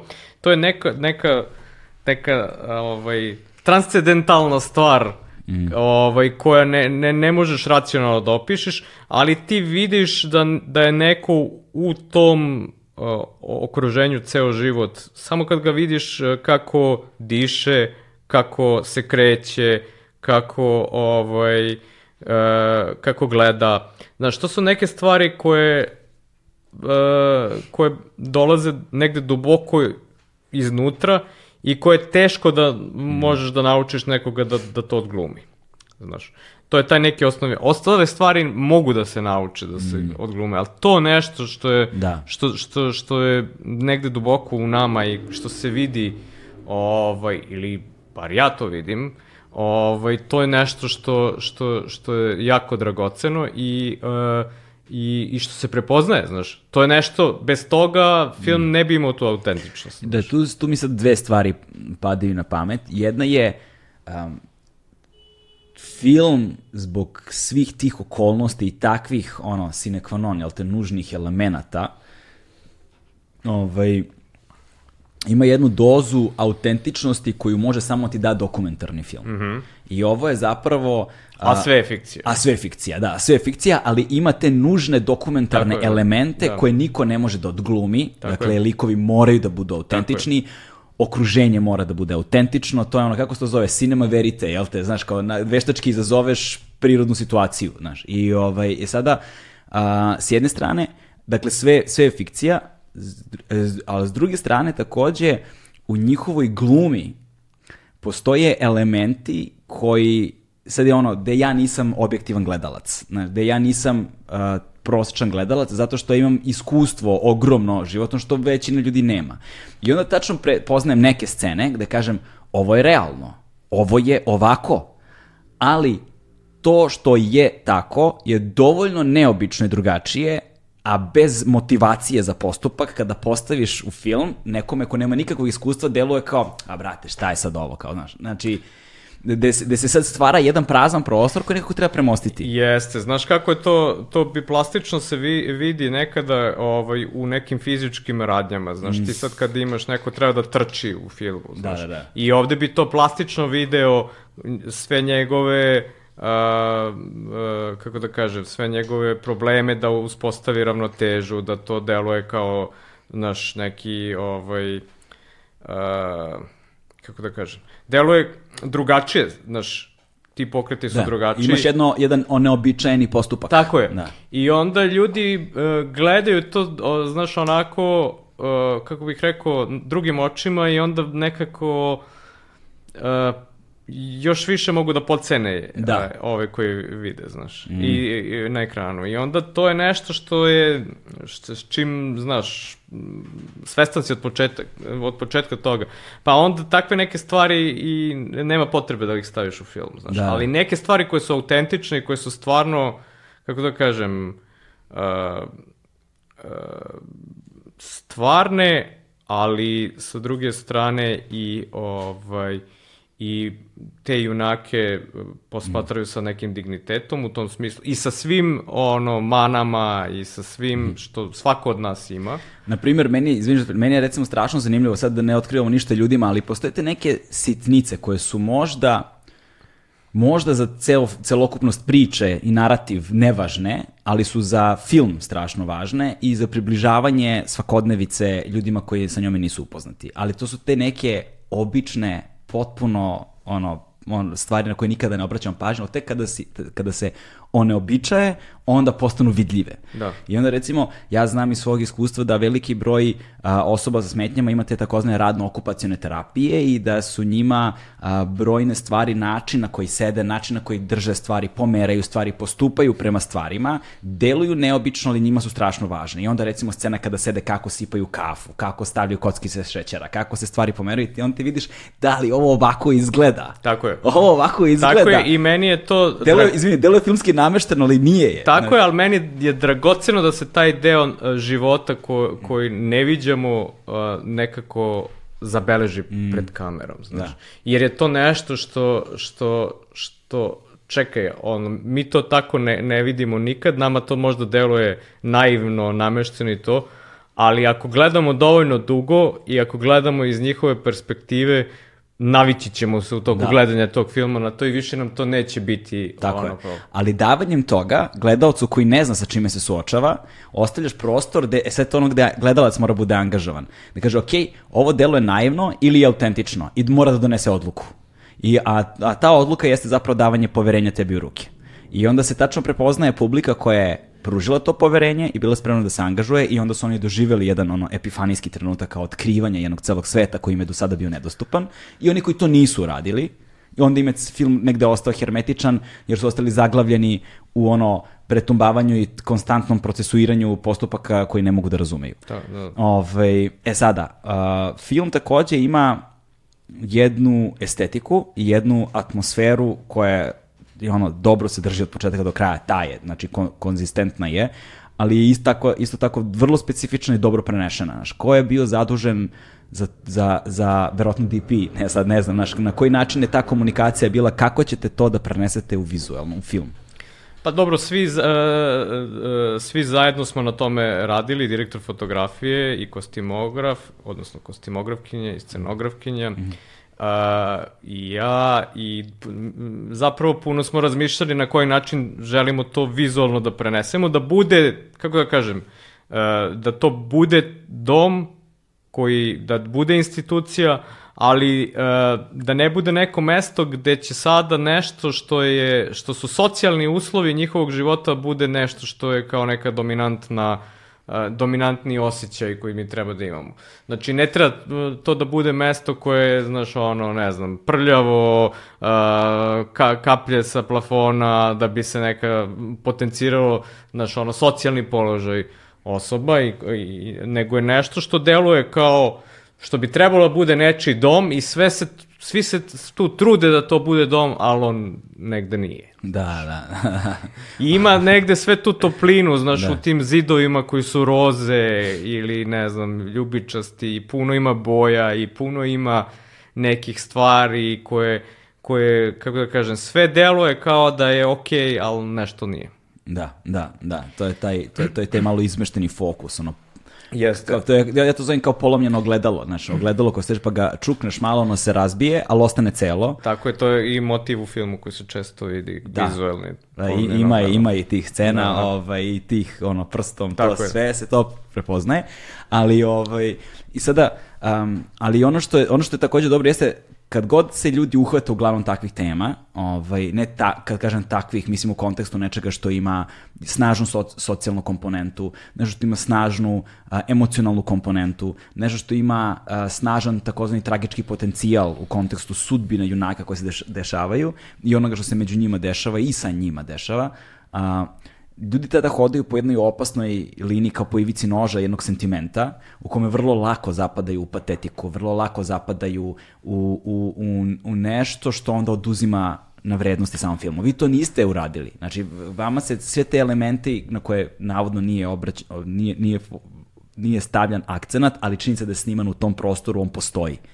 On, on postoji, ali je fokus na njim, njima Ali mo, moram da te prekinem, e, zapravo na sve to je obraćeno jako puno pažnje i taj prostor je zapravo uh, preuređen tako da bude ovaj, uh, na neki način filmski prostor, znaš da nije, nijedan prostor u filmu koji vidimo nije baš takav u realnosti. On je određenim postupcima u scenografiji, kostimu preoblikovan da deluje realno, da deluje kao neko mesto koje je realno i ne ide on puno daleko od toga kako taj objekat recimo uh, izgleda u stvarnosti ili nečega što ti ljudi tamo nose stvarno, znači to je sve nešto što bi oni inače nosili i sve to nešto što tamo već postoji, samo je preoblikovano na drugi način da ima neki... Kako su izgledali vrstu- ti postupci? Kako je izgledao proces razmišljanja i, i ono saradnje sa ljudima u, u tim, za te stvari u tim trenucima? Pa, znaš kako, uh, uh, uh, mi smo naravno bili prvo u domu i provodili puno vremena i negde prosto upoznavali taj prostor i sve, sve te atmosfere koje su tu jako zanimljive, znaš, i, i, i, ljude u prostoru i na, znaš, te sve neke rituale koji su jako bitni, da, doručak, ručak, večera, a, užina, kad se ide na spavanje, kako se ide na spavanje, znaš, koje su te procedure koje postoje, između njih, između njih i vaspitača, znači to su neke stvari koje su svi morali da budu spremni u tome, a onda smo razmišljali kako onda to nekim filmskim uh, postupcima da približimo gledalcu, da izađe sa svim onim uh, ovaj, utiscima koje, na primjer, ti si sad spomenuo. Tako da, uh, onda svako od nas je zapravo, uh, koji su se bavili tim vizualnim aspektom filma, na, za sebe radio neki svoj research, otprilike, šta su te stvari koje su koje se nose u domu, šta one predstavljaju, koji su to slojevi hmm. koji se tu pojavljuju. Znaš, ono, tipa u garderobi se pojavljuju neki sada, i to smo često koristili, neke, ono, e, dve, tri epohe ranije imamo neke stvari koje se tu provlače s generacije na generaciju, znaš, oni to jedni od drugih uzimaju, to nasleđuju, ostaje, da. nasleđuju, ostaje u domu, znaš, to. I to je jako čudno, znaš, i onda smo našli neke uh, stvari, ovaj, kako se zove, koje će uh, da nam budu uh, dramaturški zanimljive. Da. Kao, ne znam, što ima glavni junak uh, uh, duk sa uh, crvenim crtama, jer tako? na crnoj, ovaj, crni duk sa crvenim crtama koje su u formi nekih linija, koje su zapravo su linije na slične na njegovim ovaj, ožiljcima koje ima na svojoj ruci mm -hmm. i ta neka crvena krv. A ovaj, tako smo tražili, znaš, nešto što je deo njihovog karaktera, da, da, da, da, je, da je deo i njihovog karaktera na neki način, da ima neku i dramatursku funkciju i, e, i, i da se uklapa zapravo u neku generalnu atmosferu koju svaki segment filma ima. Znači, nešto što, koja je ta emocija koja treba da ti ostane, znaš. Mm. Ako je junak e, zarobljen u nekom uh, paviljonu u nekoj vrsti kazne ceo film, onda je uh, ceo taj deo filma je u nekom hladnom tonu, u nekim hladnim zidovima koji ga okružuju i on ne može da izađe odatle, on nema nema ovaj pristupa svetu i životu koji je van tih zidova, znaš. Mm -hmm. I onda je to razmišljeno i kako kako kroz ovaj kroz scenografiju i kroz kroz kostim kako da se to to, taj utisak stvori. Da. A, kad govorimo o tim ranama, kad govorimo o tim ožiljcima, kad govorimo o konceptu generalno samopovređivanja, mm -hmm. kad mhm. govorimo o svemu tome, zanimljivo je koliko zapravo, malo pre su potrebio reč zarobljenost, koja je vrlo važna za razumevanje ovakvog filma, s jedne strane, klopka neka, ne, nešto u čemu se nalaziš, što recimo ne možeš do kraja da razumeš koliko uh, je nama svima negde potreban izlaz, pod, koliko nam je svima negde potreban ventil, koliko nam je svima potrebno ono da uh, kada nemaš opcija više u životu, ti pomišlju na recimo samoubistvo, otvaraš sebi opciju. Ona ne mora da bude stvarna. Sad van, govorim van konteksta ljudi koji imaju ono koji koji imaju duševne mentalne probleme i van van van konteksta suicida u, u tom tradicionalnom razumevanju njega. Dakle, nego prosto pomisao ili nekakav čin koji bi možda bio SOS ili nešto slično. Tako je, da. Ovaj, je opet daješ sebi u ruke nekakvu moć odluke koja ti je u svetu u kojem živiš oduzeta. Zato što si depersonalizovan, da. znaš, zato što sve tvoje odluke donosi neko drugi. Da. I kad drugi ljudi donose odluke koje imaju uh, velike reperkusije na tvoj život, ti se onda osjećaš ugroženo i to je jedini način da ponovo uspostaviš kontrolu nad sobom, mm. tako, jer pokazuješ na taj način kontrolu nad jedinim što imaš, a to je sobstveno telo. Da. Ništa drugo nemaš čime bi mogo da u, ovaj, izraziš to što osjećaš. Jer tako, tako? je. Da. Jer tvoj glas niko ne, ne čuje. Ti glas nemaš. Ti glas nemaš. Ti glas nemaš. I to se da, oseti strašno u filmu. Tako znaš. da ono što imaš, I to, s tim se boriš, jer tako? To nas dovodi do uloge staratelja. Mm -hmm. I, I njihove pozicije, i njihove pozicije u samom filmu.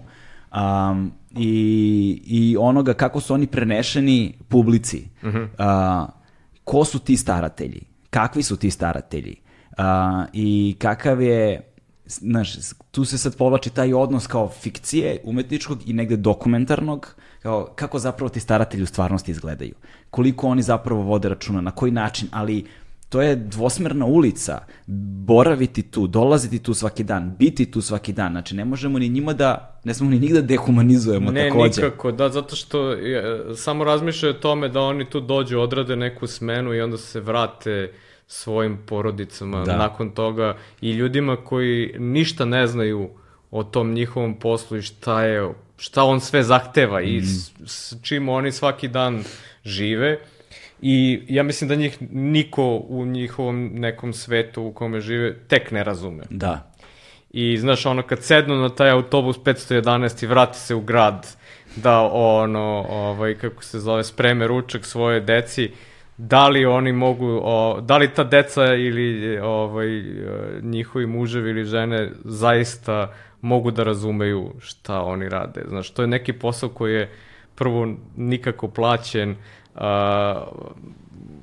ogromna odgovornost. Da. Ne, ja ne znam da li postoji veća odgovornost. Koji je zahtevan toliko, a opet zahteva jedan poseban tip ličnosti koji može uopšte da obavlja Tako takve je. stvari. I pitanje da li postoji uopšte, mm. pitanje da li postoji uh, ličnost koja uopšte je, može da ispuni sve to. Da, da. Jer tu je problem, uh, sad tu dolazimo do nečega što je zapravo problem, problem je sistem, znaš.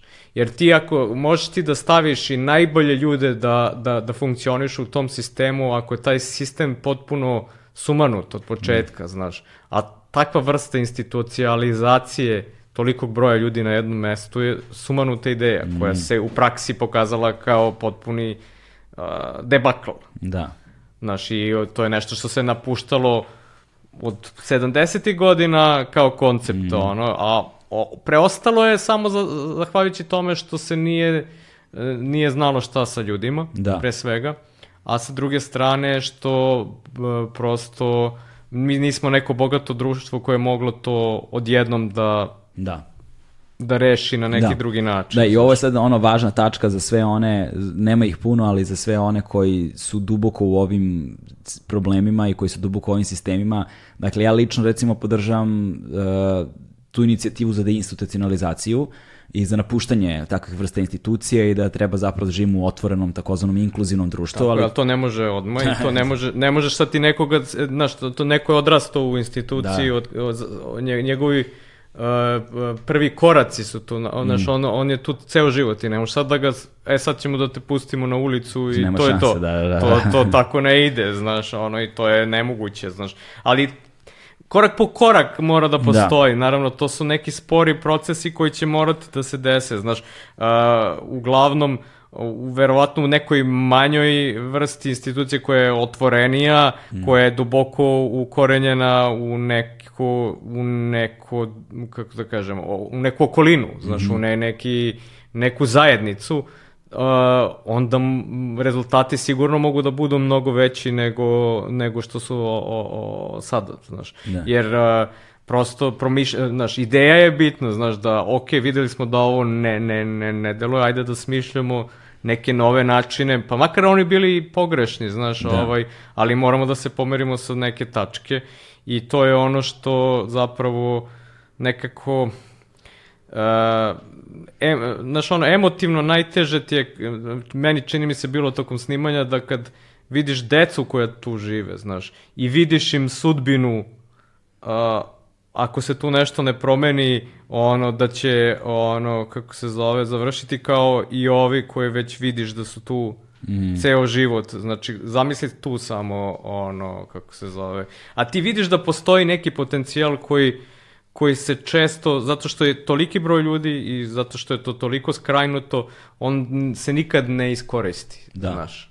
Kao što su oni naučili da glume i, i, i snimili film, verujem da postoje još hiljadu nekih stvari koje, kojima bi mogli da ovladaju i da da izraze sebe kroz to. Znači. Da, i to je ono što ljudi vrlo često ne razumeju. E, s jedne strane, kad govorimo o porodicama koje imaju svoje srodnike ili koji su prosto staratelji licima koje imaju neku vrstu smetnji ili teškoća, s druge strane, društvu koje živimo, pošto ono što ljudi ne kapiraju proces deinstitucionalizacije Ne. takvih stvari je dvosmerna ulica. Tako je. Nije, do, nije dovoljno samo baviti se njima, nego mora neko mora se bavi i, i tipičnom populacijom, građanstvom, koje mora da se edukuje, je. koje mora da se ono rehabilituje, da ti ljudi postanu vidljivi za početak.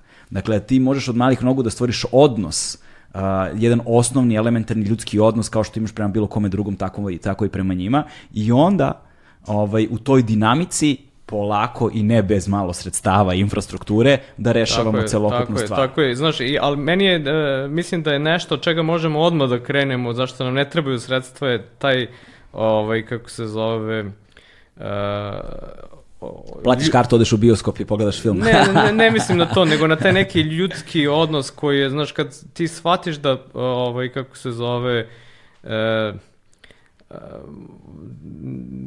kad ih, e, kad ih upoz, kad kreneš da upoznaješ ljude sa smetnjama u razvoju, kad provodiš vreme sa njima, kada, ovaj, kada su oni tu u tvom životu, znači kad poznaješ te ljude, prepoznaješ ih na ulici, javiš im se, ne Da. znam, a, popričaš sa njima. Kad to- počnu da dobijaju ljudsku dimenziju. Tako je. Aha.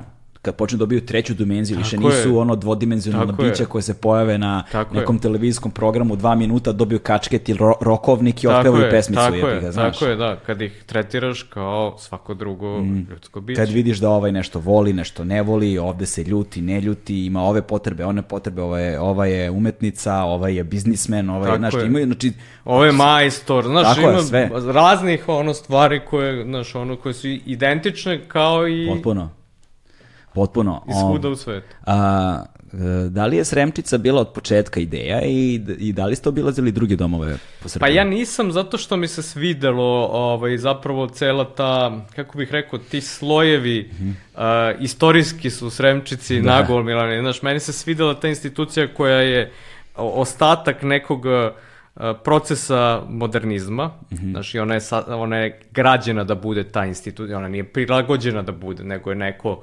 gradio da to bude ta institucija gde će sada, kao što u prologu filma postoji taj arhivski materijal, gde se vidi da je to neko razmišljao sada kako će uh, takve osobe sada da so, so, resocijalizuju društvo u tom trenutku. Znači da, Da. im pronađe mesto u jednom radničkom samoupravljanju, da im da subjektivitet, jer e, e, radnik je bio subjekt društva, znači glavni subjekt e, ovaj, samoupravnog socijalizma, pa onda ovaj, kroz osposobljavanje za rad da im da neku vrstu ovaj, subjektiviteta. Jer tako? Da. Tako da ta ideja je naravno ideja nekih prethodnih epoha koja je u tom trenutku bila mnogo humanija nego sve ono što je prethodilo tome, ali ovaj, sa raspadom radničkog samoupravljanja i e, davanja subjektiviteta ljudskom radu uopšte, su navratila se i ova ideja, tako da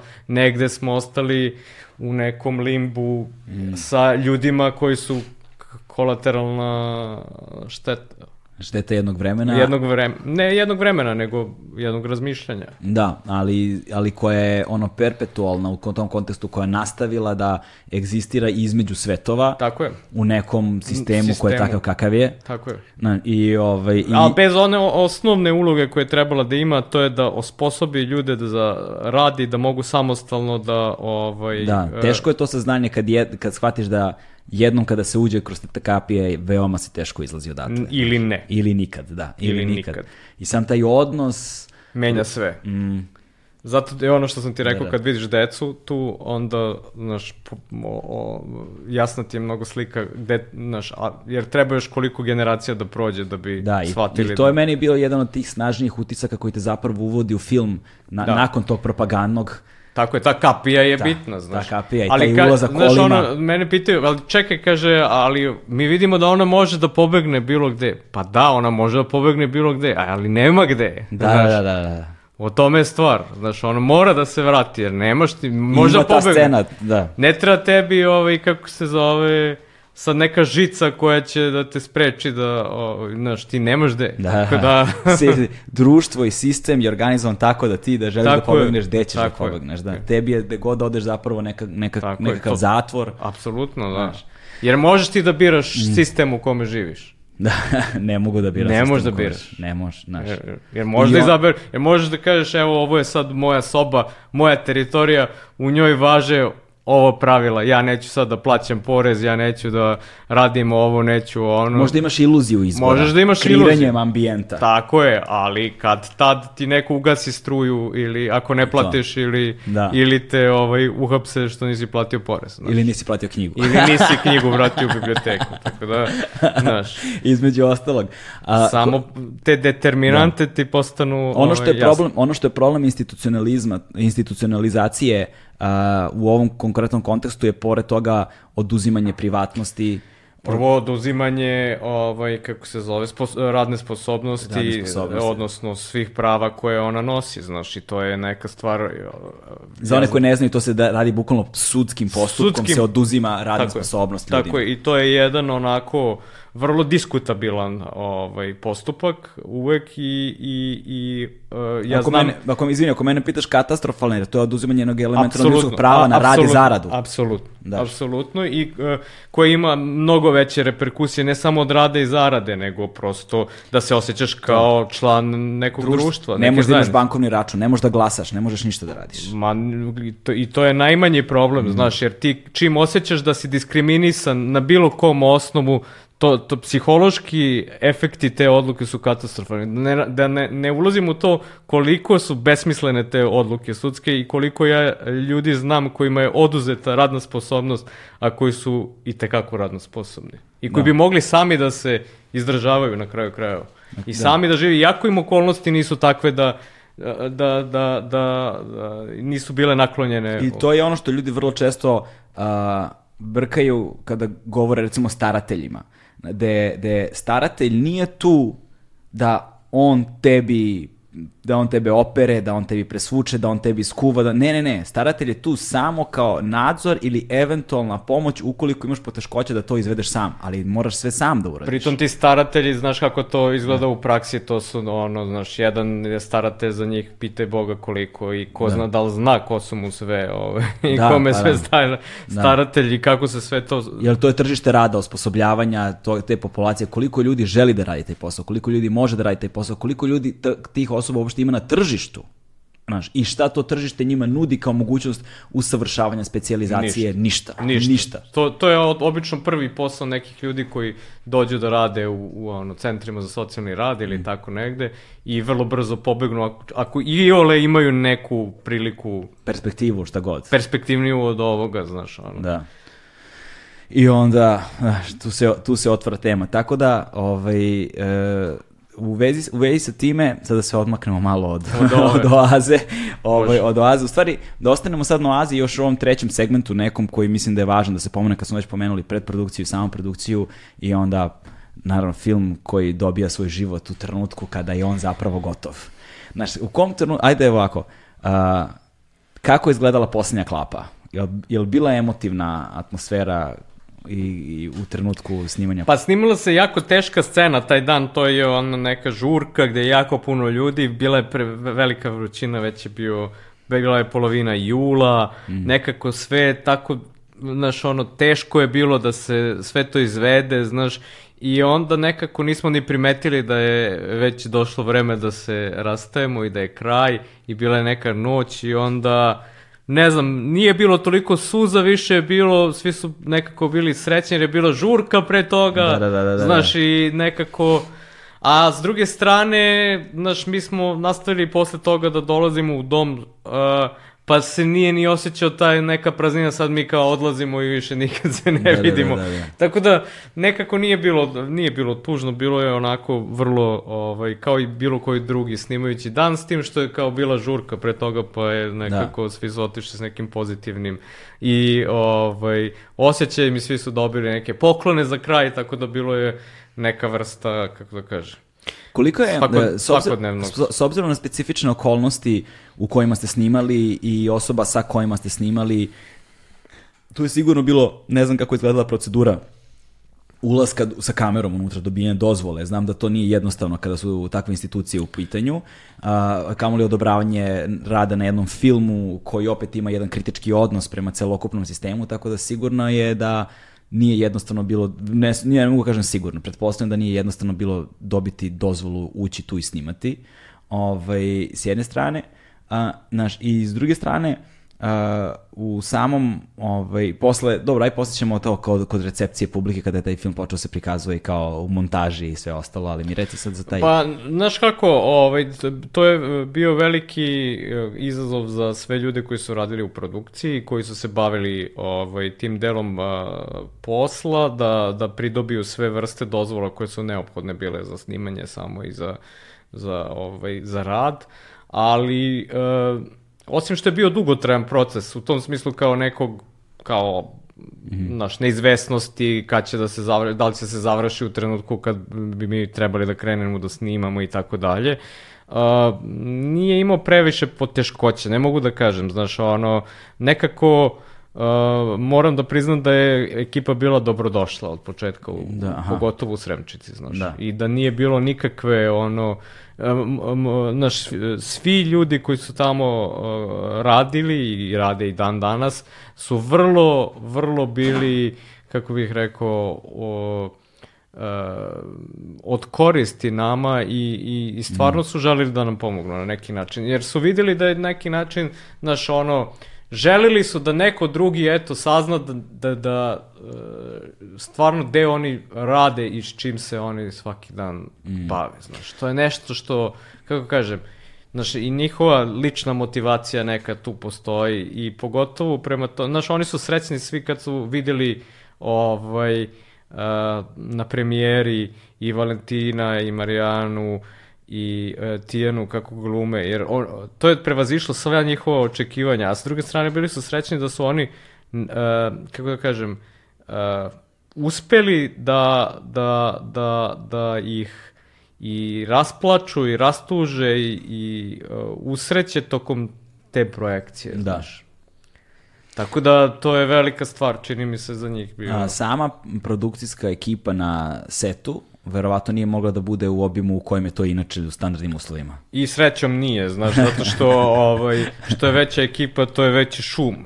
da, da, da, jasno, jasno. I onda ove linije komande se pomešaju i onda nastaje haos. Posebno u ovim uslovima. Da, posebno u ovim uslovima, ne, morala da bude duplo manja ekipa da bi uopšte ovaj, mogli da... Tako da smo imali ljude koji su vršili više funkcije u isto A... vreme i prepletali su se, ali funkcija, mislim, da, da, da. ovaj, poslova ovaj, koji su morali da odrade u isto vreme, a koje nisu bile samo što, ono što im je u opisu. A, to, ali... je, to je kao što danas u novinarstvu kažu, imaš novinari, novinari danas moraju da budu 2.0, moraju da umeju da napišu novinsku vest, da izveštavaju, da snime reportažu, da koriste kameru, da koriste montažu, da mogu sve da urade sami ako ih pošalješ, jer tehnologija to sad omogućava, da, da, da. troškovi se skrešu, I ba to. Ovde nije bilo pitanje troškova, da, nego da. je bilo pitanje, znaš, ono da uh, prosto ne napravimo preveliki šum i da sada ne dođe neka ekipa od 100 ljudi koja će mm. da napravi ono u domu da. haos i da kao pre, zaokup, zaokupljuje toliko pažnju samim svojim postojanjem mm. da to sad ometa i životu i ove ljude koji tu glume ili statiraju ili šta god, znači prosto gledali smo da budemo diskretni, što manje ovaj, da se, da, da, da, da se nekako u da. tom ambijentu ističemo. Da, na početku si pomenuo razgovora kako ovaj, zami, za, treba zamisliti život u njihovim cipelama, ono što kažeš, a, a onda, sam, onda je meni palo na, pa, na pamet kako u zvučnoj slici se konstantno čuju koraci neki. Sve vreme ti čuješ mm -hmm. ljude koji hodaju. Mm -hmm. znaš.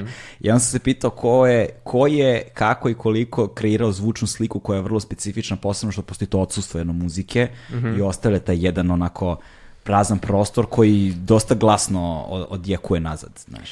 Pa evo, otkriću ti, ovaj, u, u, uglavnom ja i montažer Dragan von Petrović, koji smo o tome još u montaži puno razgovarali mm. i nekako hteli smo da taj, tu vrstu subjektivnosti, e, te lične perspektive prenesemo i na polje zvuka, znaš, mm. i da nešto što možda nisu realni zvučni planovi, ali ta osoba to tako čuje, znaš, i, i, i u tom trenutku čuje, znaš, kad čuješ nečije korake, kad čuješ neke, ovaj, kako se zove, stvari kao što je nečije disanje ili tako nešto. Konstantno, znaš, da. Konstantno ti si onda u njegovoj koži, Mm, znaš. I sve, imaš osjećaj da čuješ sve što on čuje, tako, tako, e, tako ovaj, intimno Da. zvuči. Znaš. Ali pored te intimnosti ostaje se i, konstantno osjećanje i, naš, i u emotivnim situacijama te skobe i pritiska, ali opet i nekako konstantnog nadzora i konstantne prisutnosti drugog, znaš, nikad Jeste. nisi sam. Jeste, i to smo, razmišljali smo naravno i o tome i e, puno, e, ovaj film u kome smo, znaš, ono, puno e, naknadno dosnimavali zvuka, jer nam je, e, jer kad smo izmontirali scene i videli ovaj, otprilike kako film ide, onda smo i pronalazili, znaš, ono, šta, šta bi moglo određenu emociju da e, kroz zvuk izrazi. Znaš. I onda smo naknadno snimali to, znaš, ovaj, posebno za to, za, za emociju koju smo želeli da proizvedemo. Pa i onda i muzika u toj funkciji koja se čuje sa raznih razglasnih sredstava, uvek u funkciji neke određene emocije koje treba da se prenese, znaš, a ne, ne sad sama sebi svrha koja, znaš, sad tu nešto svira, samo da bi sviralo. Da, Znaš, kao- da bi popunilo prazninu, nego uvek ima neku, neki taj emotivni ton koji želimo da prosto ostavimo unutar, Da. unutar scene. Ove, e, da, a i u trenutku kada ste završili film, koliko je trajala montaža? Pa nije trajala dugo, ono, dva, tri meseca, vrlo brzo smo mi to... ovaj, Pošto je sve planski urađeno kako treba. Jeste i do- dosta smo radili tokom snimanja filma, tako da smo Aha. nakon na, svaki dan pauze koji sam ja imao, ja sam provodio s montažerom gde smo onda to sve sklapali, birali ovaj, dublove i Mm. razmišljali o tome šta još treba da se snimi, na koji način, šta nam fali, kako koju scenu da rešimo, ko, možda na neki bolji način Da. u odnosu na materijal koji smo već snimili i na neke, kako da kažem, kontinuitete u emociji koje imamo, znaš, tako da uh, to je sad uh, super stvar što to možeš da pratiš znaš, u ovom digitalnom svetu, to sad ono, pratiš u real time-u i ne, znaš, ono, ne čekaš materijal da ti stigne posle tri meseca iz laboratorija, nego možeš odmah da vidiš šta je to. Pogotovo u ovakvom filmu gde je jako bilo teško kontrolisati zapravo taj lu, emotivni luk svakog junaka. Na čemu ste snimali? Na Aleksi. Aha, na Lexi. Ove, e, a, em, i u kom trenutku znaš da je film gotov? Pa ne znam, znaš, o, sa ovim filmom imali smo nekako vrlo malo tih nekih uh, ovaj, uh, dilema kako se montaža bližila kraju. I onda su sve prosto dileme smo probali. Znaš, sve što nas je mučilo smo probali, onda smo znali da je to to, znaš, ono, Da. nema, nema više, znaš, ono, e, i iskustvo je, znaš, pitanje je sad i iskustva i zajedničkog rada sa, o, pre svega, montažerom, koji, ovaj, koji, sa kojim onda, znaš, ono, dođeš do nekog, kako da kažem, konsenzusa u jednom trenutku da nema više smisla bilo šta dirati, znaš, da je to to, ti pogledaš, pustiš drugim ljudima, to je isto bitno u jednom trenutku, da pustiš i nekim drugim ljudima, koji često nekad ne moraju ni da znaju bilo šta o filmu. Znaš, To je ono. i, i, u idealnim uslovima. Pa je u idealnim uslovima, čisto da vidiš kako neko drugi vidi to, znaš, kako, kako, kako osjeća, znaš, ono, na, na šta reaguje, na šta ne reaguje, šta je razumeo, šta nije razumeo. Prosto nije sad da ćeš po tome da premontiraš film, ali ti da neki reper, jer Da. desi, znaš, šta, šta može još eventualno da, da bude jasnije ili da šta je višak, znaš, često je nešto prosto višak koji te opterećuje. Znaš, tebi je neka scena draga što je virtuozno snimljena ili izrežirana ili ste se pomučili svi da je da je napravite tako kako jeste, ali ono, naš film funkcioniše možda bolje bez nje i Da, možda ona da. samo, sama sebi svrha, znaš. Da, i bi- meni je, ostale su mi neke scene tako u pamćenju, ali ima ta jedna gde se, se sa svetlom baš dobro odigli kada odlazi na kraju, pa se svetlo menja Aha, na onoj kapiji, Aha. znaš, sad da ne... To, to je kako te, znaš, to, to, je, to je sad zanimljivo, to je, e, znaš, nekad te e, stvarnost te nekad nagradi. Da, da, znaš, da. ono, kad, kad ono, duboko sve to ovaj, veruješ u nešto, onda te ona nagradi i to sa tim svetlom je zapravo a, to je prirodni fenomen koji se verovatno dešava jednom u ne znam koliko godina ako baš ono pratiš. Eto, on se desio tada u tom kadru, kada oni odlaze, prolaze kroz tu kapiju, izlaze iz doma, znači e, to su sve neki elementi koji se poklope u tom trenutku i onda se nebo zatvori potpuno i Da. promeni se atmosfera unutar I ostane samo onaj tračak I na ostane kraju. samo tračak svetla kojim oni hodaju. Koji oni- To je- Znaš, to nikad ne bi mogli da izvedemo, ni za sve pare ovog sveta da imamo, niti verovatno, znaš, ono, rekli bi možda, možda bi odustali i rekli kao, ma možda je suviše. Da, da, da, da, da. Ali pošto se desilo u samom kadru, dok smo mi snimali, onda nekako smo to osetili kao neku, ne, neku intervenciju neke više sile. A, neki ono, kako, Deus ex machina. Deus ex machina. Neko božansko razrešenje. Ono. Da, i ko, znaš, onda smo osjećali i neku vrstu, kako da kažem, straha da to ne iskoristi. Da, da, jel, jel bio taj wow moment kad se to desilo? Jeste, kao... jeste, ali više, znaš, ono, kako se zove, više ljudi iz ovaj, tehničkog dela ekipe koji su bili potpuno ono, fascinirani, a direktor fotografije e, Miloš Jačimović i ja smo se više smejali kao šta se upravo desilo i ovaj i nekako znali smo da će to ući u film, ali Da. Sjajno, to mi je ono, ta, eto, vidiš, meni je recimo ta scena baš ostala, je ostavila taj snažan wow efekat, posebno u kontekstu filma. Jeste, da, U kontekstu da, da. filma je, pošto ni, ona nije samo tehnički komplikovana i lepa scena da kao negde naglasimo ljudima, nego u kontekstu priče ima Da, da, da. snažan pečat. I ja sam više, sam bio ubeđen da to ono, E, ali vidiš, znaš, to je intervencija, znaš, Da. ono, nekako je, prevazilazi sve nas. eto vidiš, mora malo sreće da se ima i slučajnosti dođu na svoje. ja ne bih rekao da je to sreća, nego da je to neka vrsta, to, baš, Da. intervencija, to se zove u ovoj, kako Pa jeste se- božanska intervencija. Božanska intervencija, da. tako je. Ovaj, um, prve reakcije ljudi uh, kada na, na prvoj projekciji filma i film je zapravo obišao ovaj, dosta zemalja pre nego što je imao premijeru kod nas. Ovaj, i- a, ja prve reakcije ne znam jer je film a, premijerno prikazan u Veneciji Mhm. ja, na festivalu i mi nismo mogli da prisustujemo tome zbog a, ovih svih a, administrativnih zabrana putovanja koje su se posebno na ove ljude koji dolaze iz Srbije primenjivale tada za ulazak u Italiju i gde ni po koju cenu nismo mogli da prisustujemo premijeri sobstvenog filma čak ni uz bilo kakve ono testove, bilo šta, znači prosto ne može.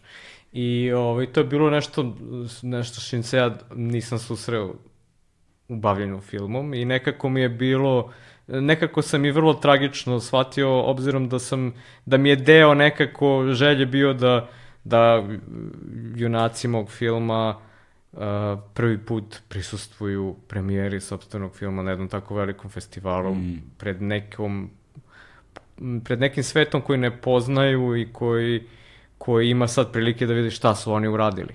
A š- što je nešto čime se oni jako ponose, znaš. I- Da, i da dodamo na to jednu stvar koja je nažalost tragična sudbina i istina, a, da putuju. Tako je. Niko od njih nikada nije nigde putovao. Da.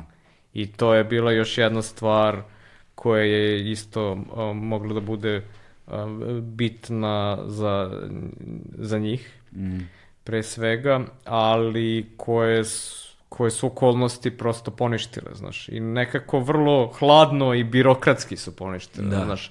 Bez bilo kakvog razumevanja, znaš. I to na neki način me to prilično onako a, pogodilo u tom trenutku i onda zapravo a, film je prikazan na još mnogo festivala umeđu vremenu, ali nekako niko od nas nije imao neki subjektivni doživljaj kako to izgleda, jer opet nije, nije, nismo, niko nije putovo, nigde nismo mogli da idemo. Čekaj, na koliko si zapravo bio?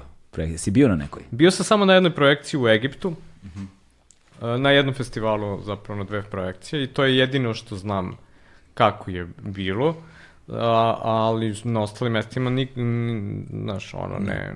Kako ste dobijali informacije? Da li su vam dolazile Pa neke piše ti, informacije? znaš, pišu ti ljudi pre svega ovi koje poznaješ, koji su iz tog sveta filma, imaš, znaš, gomilu tih ljudi koji koji se tu motaju, koji, znaš, selektori drugih festivala, kritičari i tako dalje, pa onda dobiješ posredno neki feedback u filmu. Uh, ili dobiješ nagrade, znaš, Da. ono, često smo dobijali tako feedback, Da, znaš, da, da. ono, tako što dobiješ nagradu i onda, ovaj, kako se zove, i onda znaš da si na nekom pravom putu, ovaj, ili na pogrešnom, Da. znaš, može da bude, znaš, a, A. jedno i drugo. Umetnost je to, znaš. Da, ali zapravo prvi put smo pred publikom gledali svi zajedno, sada na festu i to je onda bio jedan tako emotivan događaj za sve nas koji smo radili na filmu. I čestitam na nagradi na festu. E, hvala, hvala. Što verovatno ima i neku posebnu težinu baš kada govoriš uh, u kontekstu Mihića i kada govoriš u kontekstu festa i verovatno koji ima ogromnu težinu i u kontekstu tvog odrastanja, a i pročitao sam u nekim intervjuima. Ovaj, tako da o, dobiti nagradu i kao premijernu ipak ovaj, biti ovde sa svojom publikom. A znaš što je super isto, znaš, ono, sad ta dodela nagrada na festu i kad ovi, kada su pročitali ko je dobio nagradu, znaš, ono, većina publike koja je tad, u tom trenutku bilo u sali, njima nije jasno ko smo uopšte mi, zašto Da, da, smo da, da, dobili da, tu da, da. nagradu, znaš, kao gledaju na svi, kao, okej, kao, jer oni zamišljaju prosto, znaš, a, često ljudi zamišljaju, znaš, to kao neke, to mora bude neka zvezda, neko poznat, znaš, Da, da, neko da, da, ko je da. već, ono... Etabliran, Etabliran, ono, da, da, da. da, da. Međutim, znaš, ovako sve je zbunilo, meni se sviđaju te zbunjujuće situacije kad ti pročitaju ime, ali niko nije siguran ni da li je dobro pročitano, ni da li je to taj, Da, znaš, da, ni ko si, ni šta ni si, ko da. si, ni šta si. I ono, ima ono, ono, moje nagrade, Thomas Bernhard, ono, odlična ovaj, knjiga o tome. je. Da, da. o tome, znaš, kako na većini tih nagrada, znaš, ono, niko ni ne zna ko je taj ko je nagrađen, ne da nije gledao film ili ne znam, pročitao knjigu, nego, znaš, Nego veze sa životom. Veze sa životom Posebno što nema. nagrada obično ide na kraju festivala, Tako je, da. gde neka publika koja... sad publika došla gleda neki drugi film Da, da, koji, da. znaš, njih zag- da, te nagrade ni ne interesuje. I sad si ti protokolarno njima prekinuo neki tako tu je, proces. tako je, tako je, tako. Znaš, oni su gledali, došli gledati nešto drugo. Tako da je bilo to simpatično, naravno. Ovaj, naravno, mnogi ljudi su onda došli da vide film zato što su videli da je pobedio na festu, pa ih interesovalo Mm. šta je sad to, znaš, ono, možda ih drugačije ne bi motivisalo, jer ja a, prosto, jasno mi je da a, sa ovakvom temom ne možeš da računaš na neku ogromnu posetu, jer Da. prosto ljudi to odbija. Ali ono što sam primetio je to da ljudi jedni drugima preporučuju film i da ta, ta linija preporuke je zapravo Mm. nešto kako ljudi dolaze da gledaju film. No, evo mi ga ovde sad preporučujemo i razgovaramo o njemu dva sata. Pa vi da, kako hoćete. Da, pa vi kako hoćete. I sad je to, to je sad još jedna vrsta kom, beskompromisnosti, znaš kao. O, da li ćeš investirati ne samo dva sata života za neki film, nego to pretpostavlja da izađeš iz kuće, se obuješ, zapertlaš, odeš, znaš, da kao ono, organizuješ sebi život, a i da govorimo o tome kao u nečemu što traje, ne znam, dva i po, tri sata, razumeš, bez, bez, bez ikakvog A znaš kompromisa na šta, način. ljudi, eto, znaš, televizija ti je dobar primer kako su ljudi od te sim- simplifikacije i toliko, znaš, onoj, uh, izjavi dve rečenice koje će da, is, od te dve će jednu da iseku pa da stave ono, pa da, ne znam, sa još nečim, ono, znaš, televizija se pretvorila u nešto potpuno nebitno, znaš, Da, da, ono. da. I koliko, na primer, ovakve vrste razgovora nedostaju svima nama i onda mi to gledamo, razumeš, Pa jeste, slušamo, jer nam nedostaje ljudska reč u nekom kontinuitetu. Da. Ne sad kao, ja kažem jednu reč i neko me prekine i to je to. Zato što u kontinuitetu se dobija i karakter Tako i je. ono ljudski odnos Tako i je. jedna atmosfera i ambijent. Tako je, koliko, Čemu između oslog služe i slušalice, te zaključaju u razgovoru na jedan način. Znaš, koliko puta gledam neke sumanute ljude na ovaj, raznim nekim podcastima, jer u tom kontinuitetu ti možeš da ih ono, Doživiš. doživiš i da ih nekako dublje razumeš, ono, iako se ništa s njima ne slaže.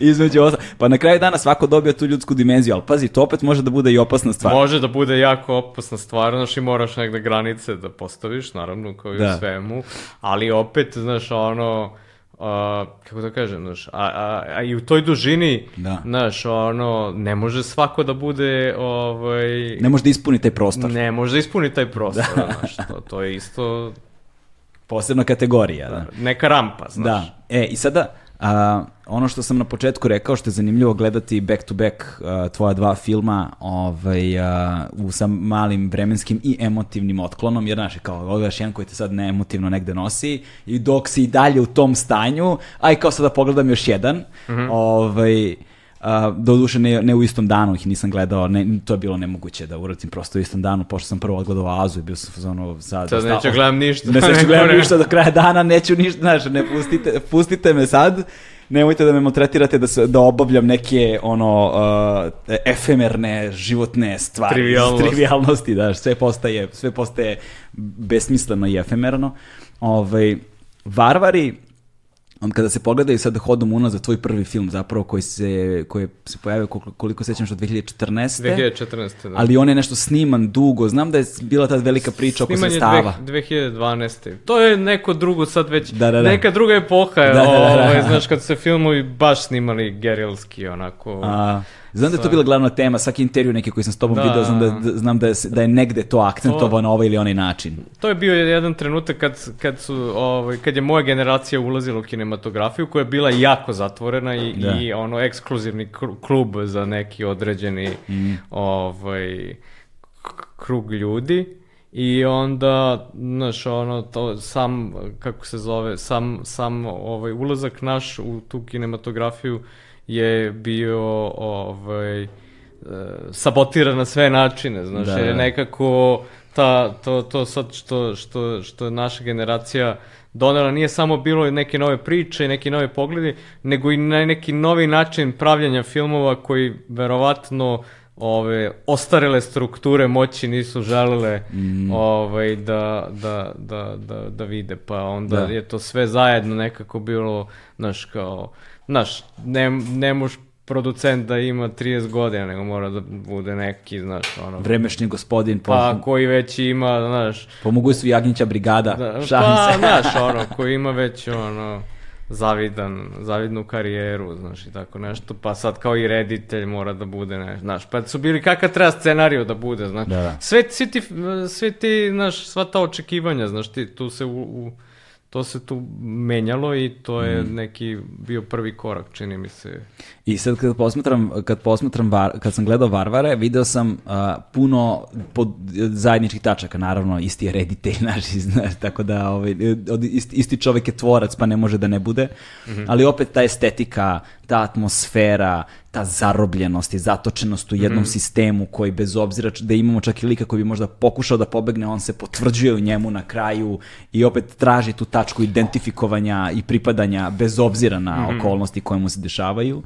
Ovaj, ali ta, taj odnos zarobljenosti, gde sad govorimo o jednom društvu koje je ono ogrezlo duboko u druge stvari, ali, um, ali opet jednu nemogućnost i opet jednu uh, i, i opet jednu kažem zatočenost i zarabljenost i opet jedan je, je- jedan, jedan, jedne uzusene stege ovaj, koje, sa kojima se na sasvim drugačiji način, ali opet sa istim stvarima suočavaju likovi u Aziji.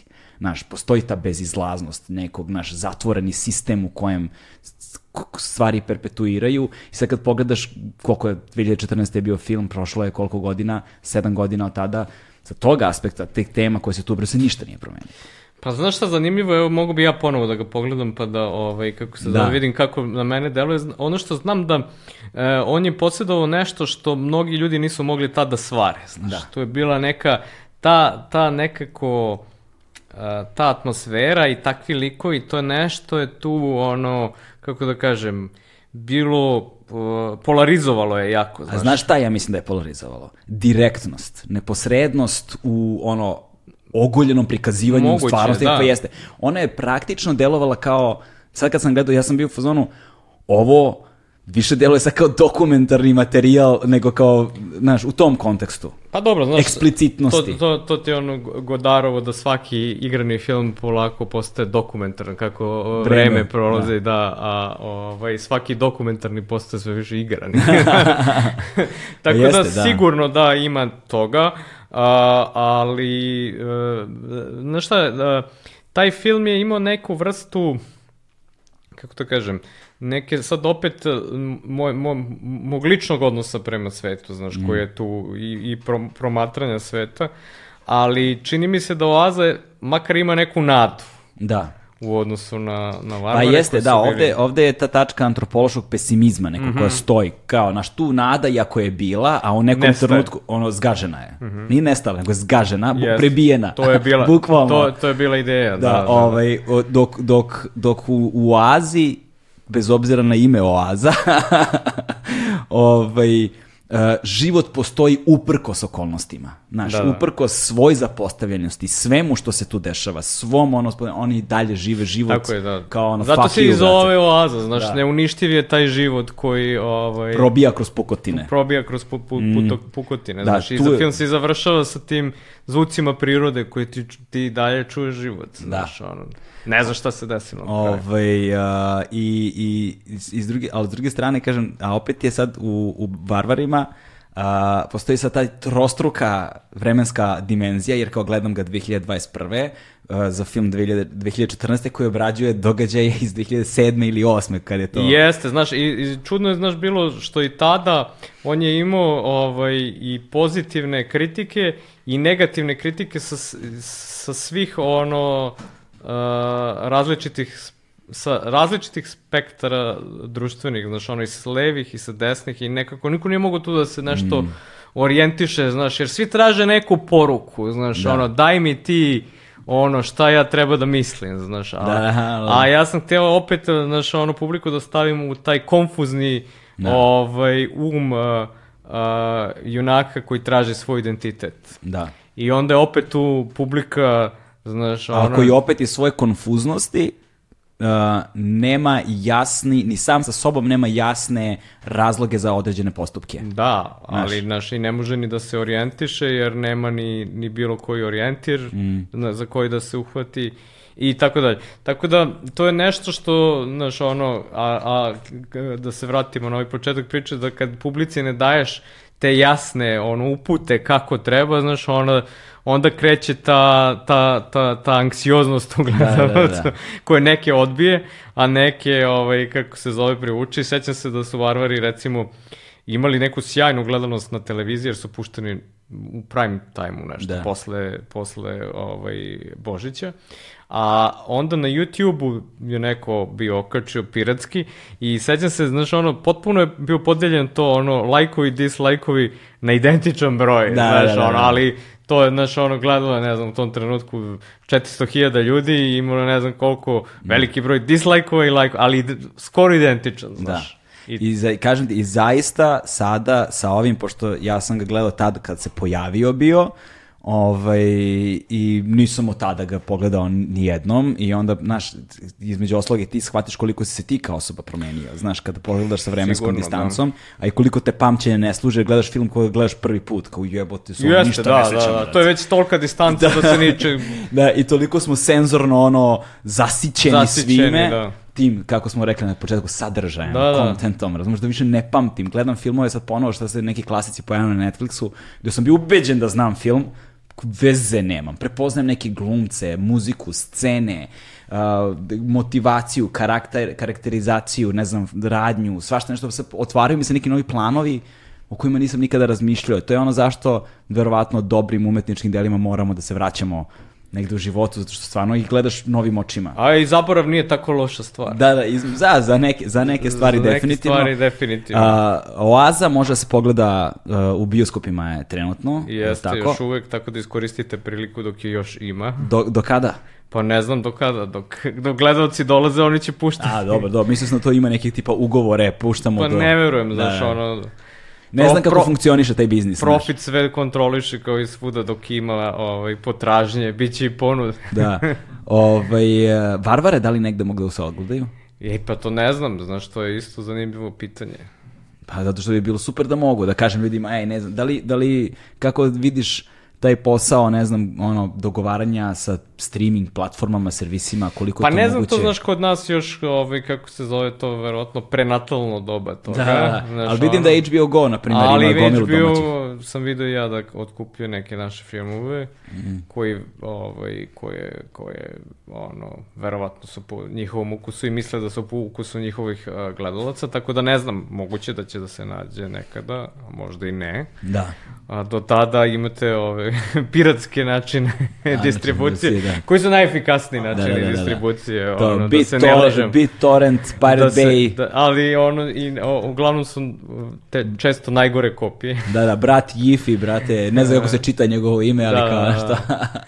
Tako da, znaš, ono, mora alternativa izgleda da bi se, Mm. da, znaš, iskupalo nešto. A i što više se potrudiš da pronađeš, više ćeš da ceniš film koji gledaš, jer Da, tako? da, apsolutno tačno, barem danas su dostupni ukoliko žive ljudi u određenim ono, uh, socioekonomskim uslovima, veliki ekrani za relativno male pare, Pare, pa možeš, da. možeš sebi zapravo da napraviš zaista bioskop na gajbi. Pa to je isto nešto što ranije nisi mogao, znaš, Mm. ono, ti uslovi gledanja su se toliko popravili da kao, znaš, ono, možeš za male pare da sebi organizuješ neku, nešto, Da, neko pitanje, je uživanje. koli, pitanje je koliko su ti bioskopi zapravo potrebni, ali opet u bioskopu postoji nekoliko faktora koji su ključni. Tako je, to je taj socijalni moment prvo, a drugi je... a, Mm. Kolektivno gledanje. Kolektivno gledanje, znaš, to kolektivno gledalačko iskustvo, to je nešto što prevazilazi i sad i socijalni element, to je nešto kako publika a, kao kolektiv reaguje na nešto što gleda, znaš, Mm. to je često vrlo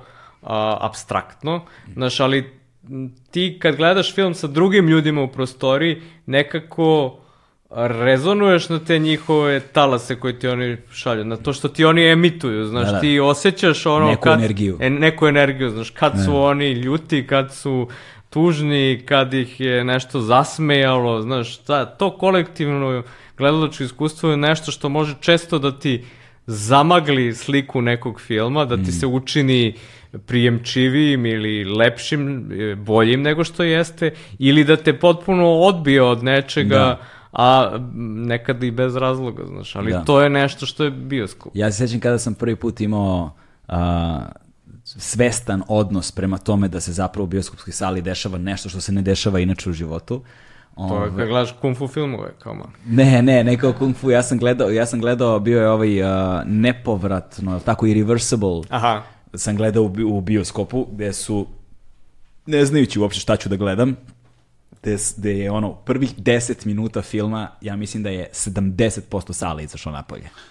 70% sale izašlo E, ja sam gledao taj isti film u bioskopu Zvezda, koji je tada još radio regularno u onom svom raspadnutom stanju. Ovaj, I, ovaj, I sećam se baš obskurnih likova koji su došli da gledaju Reversible samo zato što su čuli da postoji Ono, scena silovanja. silovanja znaš, od Monika 11 Berucci, od 11 minuta i- minuta. i hardcore nasilja I nekog. samo ono, tipovi isključivo koji su verovatno Da. zbog toga ono, Da, da, ja sam, ja sam došli, isto tako recimo...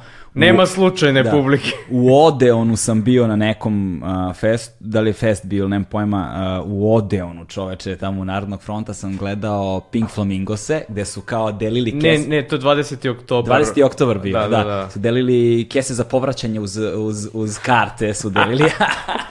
A to je Kao- dobra fora. Dobra fora, da, To da, dobra o tome fora. se pričao, ja to pamtim. Pazi, znaš. 20. oktobar je bio ono Grindhouse, ono da. čuveni ovaj kako se zove B bioskop eh, i koji je imao ovaj vrlo zanimljivo ovaj zanimljivu publiku, znaš, ono Da. koja nije išla u druge bioskope, nego je to, to, to, to, mi je, to mi je bilo i koji sam još beše film gledao, viš, sad ću, opet je francuski neki bio, ne mogu da se setim sada, eto, vidiš, da je, znam, da je bila, znam da je bila scena porođaja na kraju filma koja je bila ono prava scena porođaja u krupnom planu preko celog bioskopskog platna ti gledaš porođaj, znaš, i to je bilo ono isto dosta e, izazovna scena. Znaš šta, meni je, na primjer, iz detinjstva to kad e, film pre, pređe tu rampu, ovaj, Mm. pređe, izađe iz e, ovaj, dvodimenzionalnog prostora filmskog ekrana Da. i ovaj, pređe u publiku, ovaj, to je sigurno iskustvo kung fu filmova, Da. kad si klinac i dok su još išli u bioskopima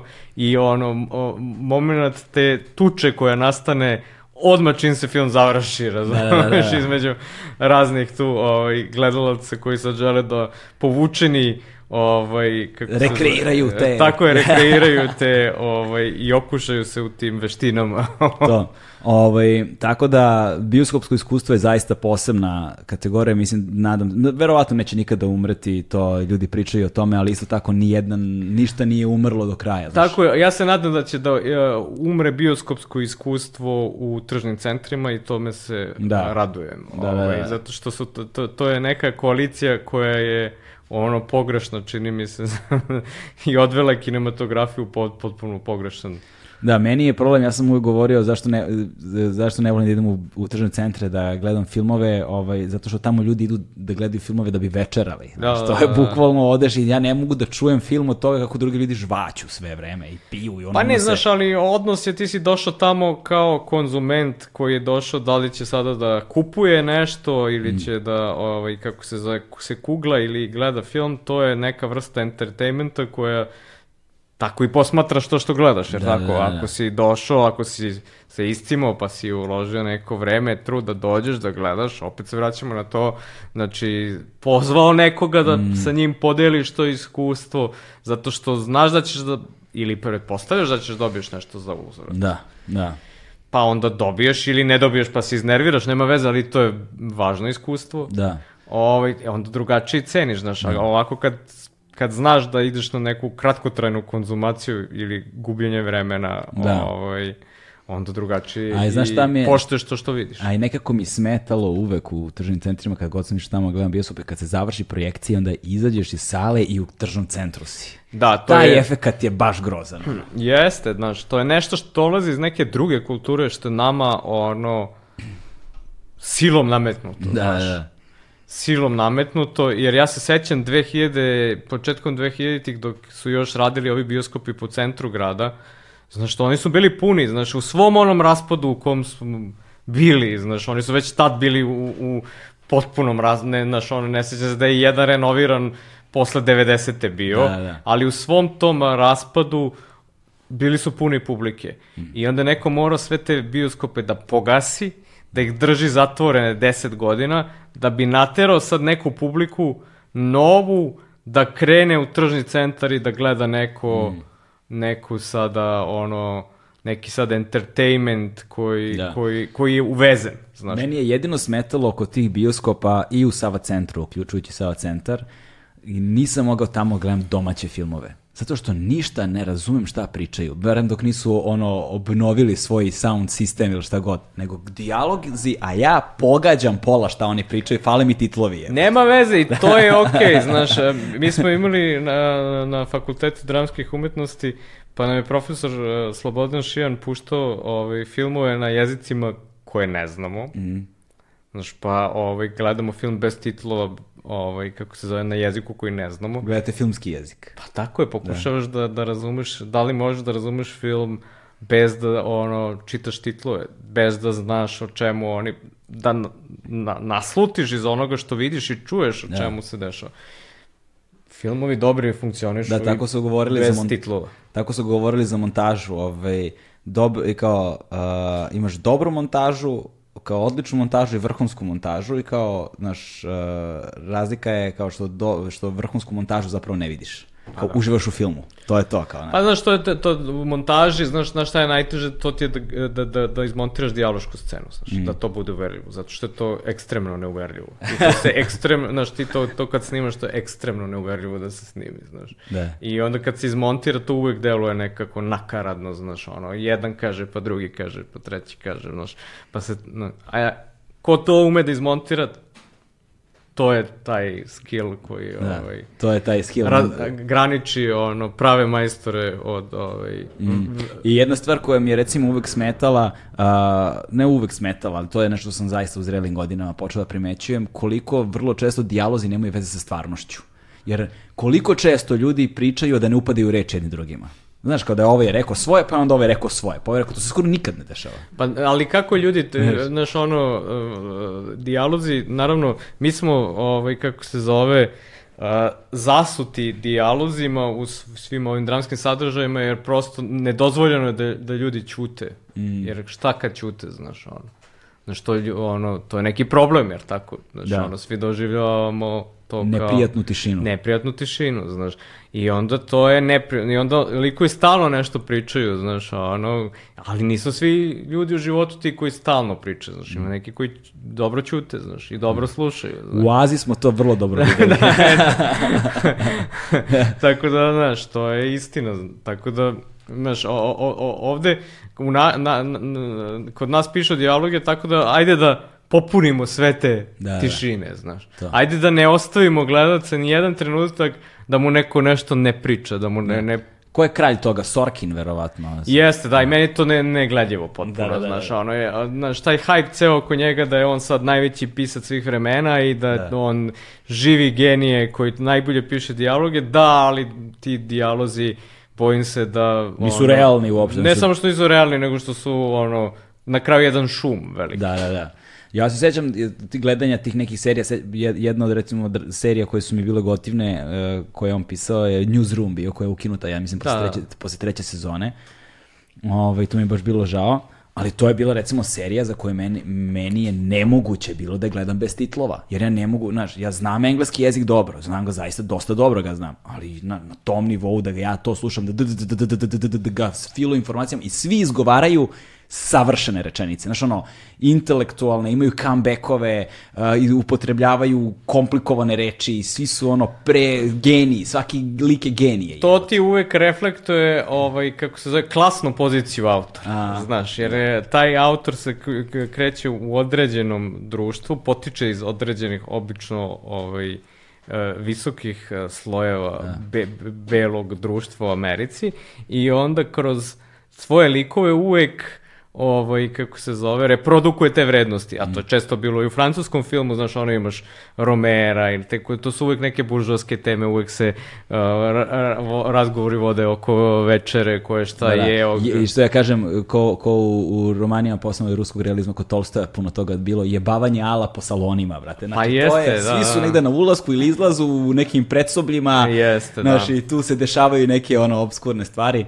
I- Time smo napravili pun krug. Počeli, završili smo gde smo počeli, sa klasnim pitanjem.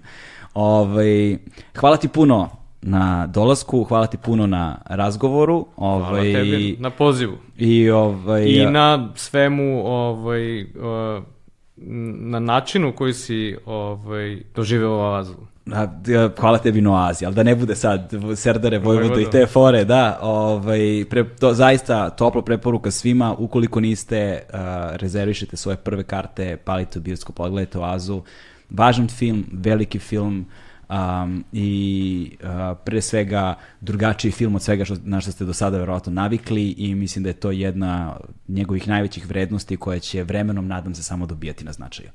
Hvala ti puno još jednom, stigli smo do samog kraja, to je to. Ćao.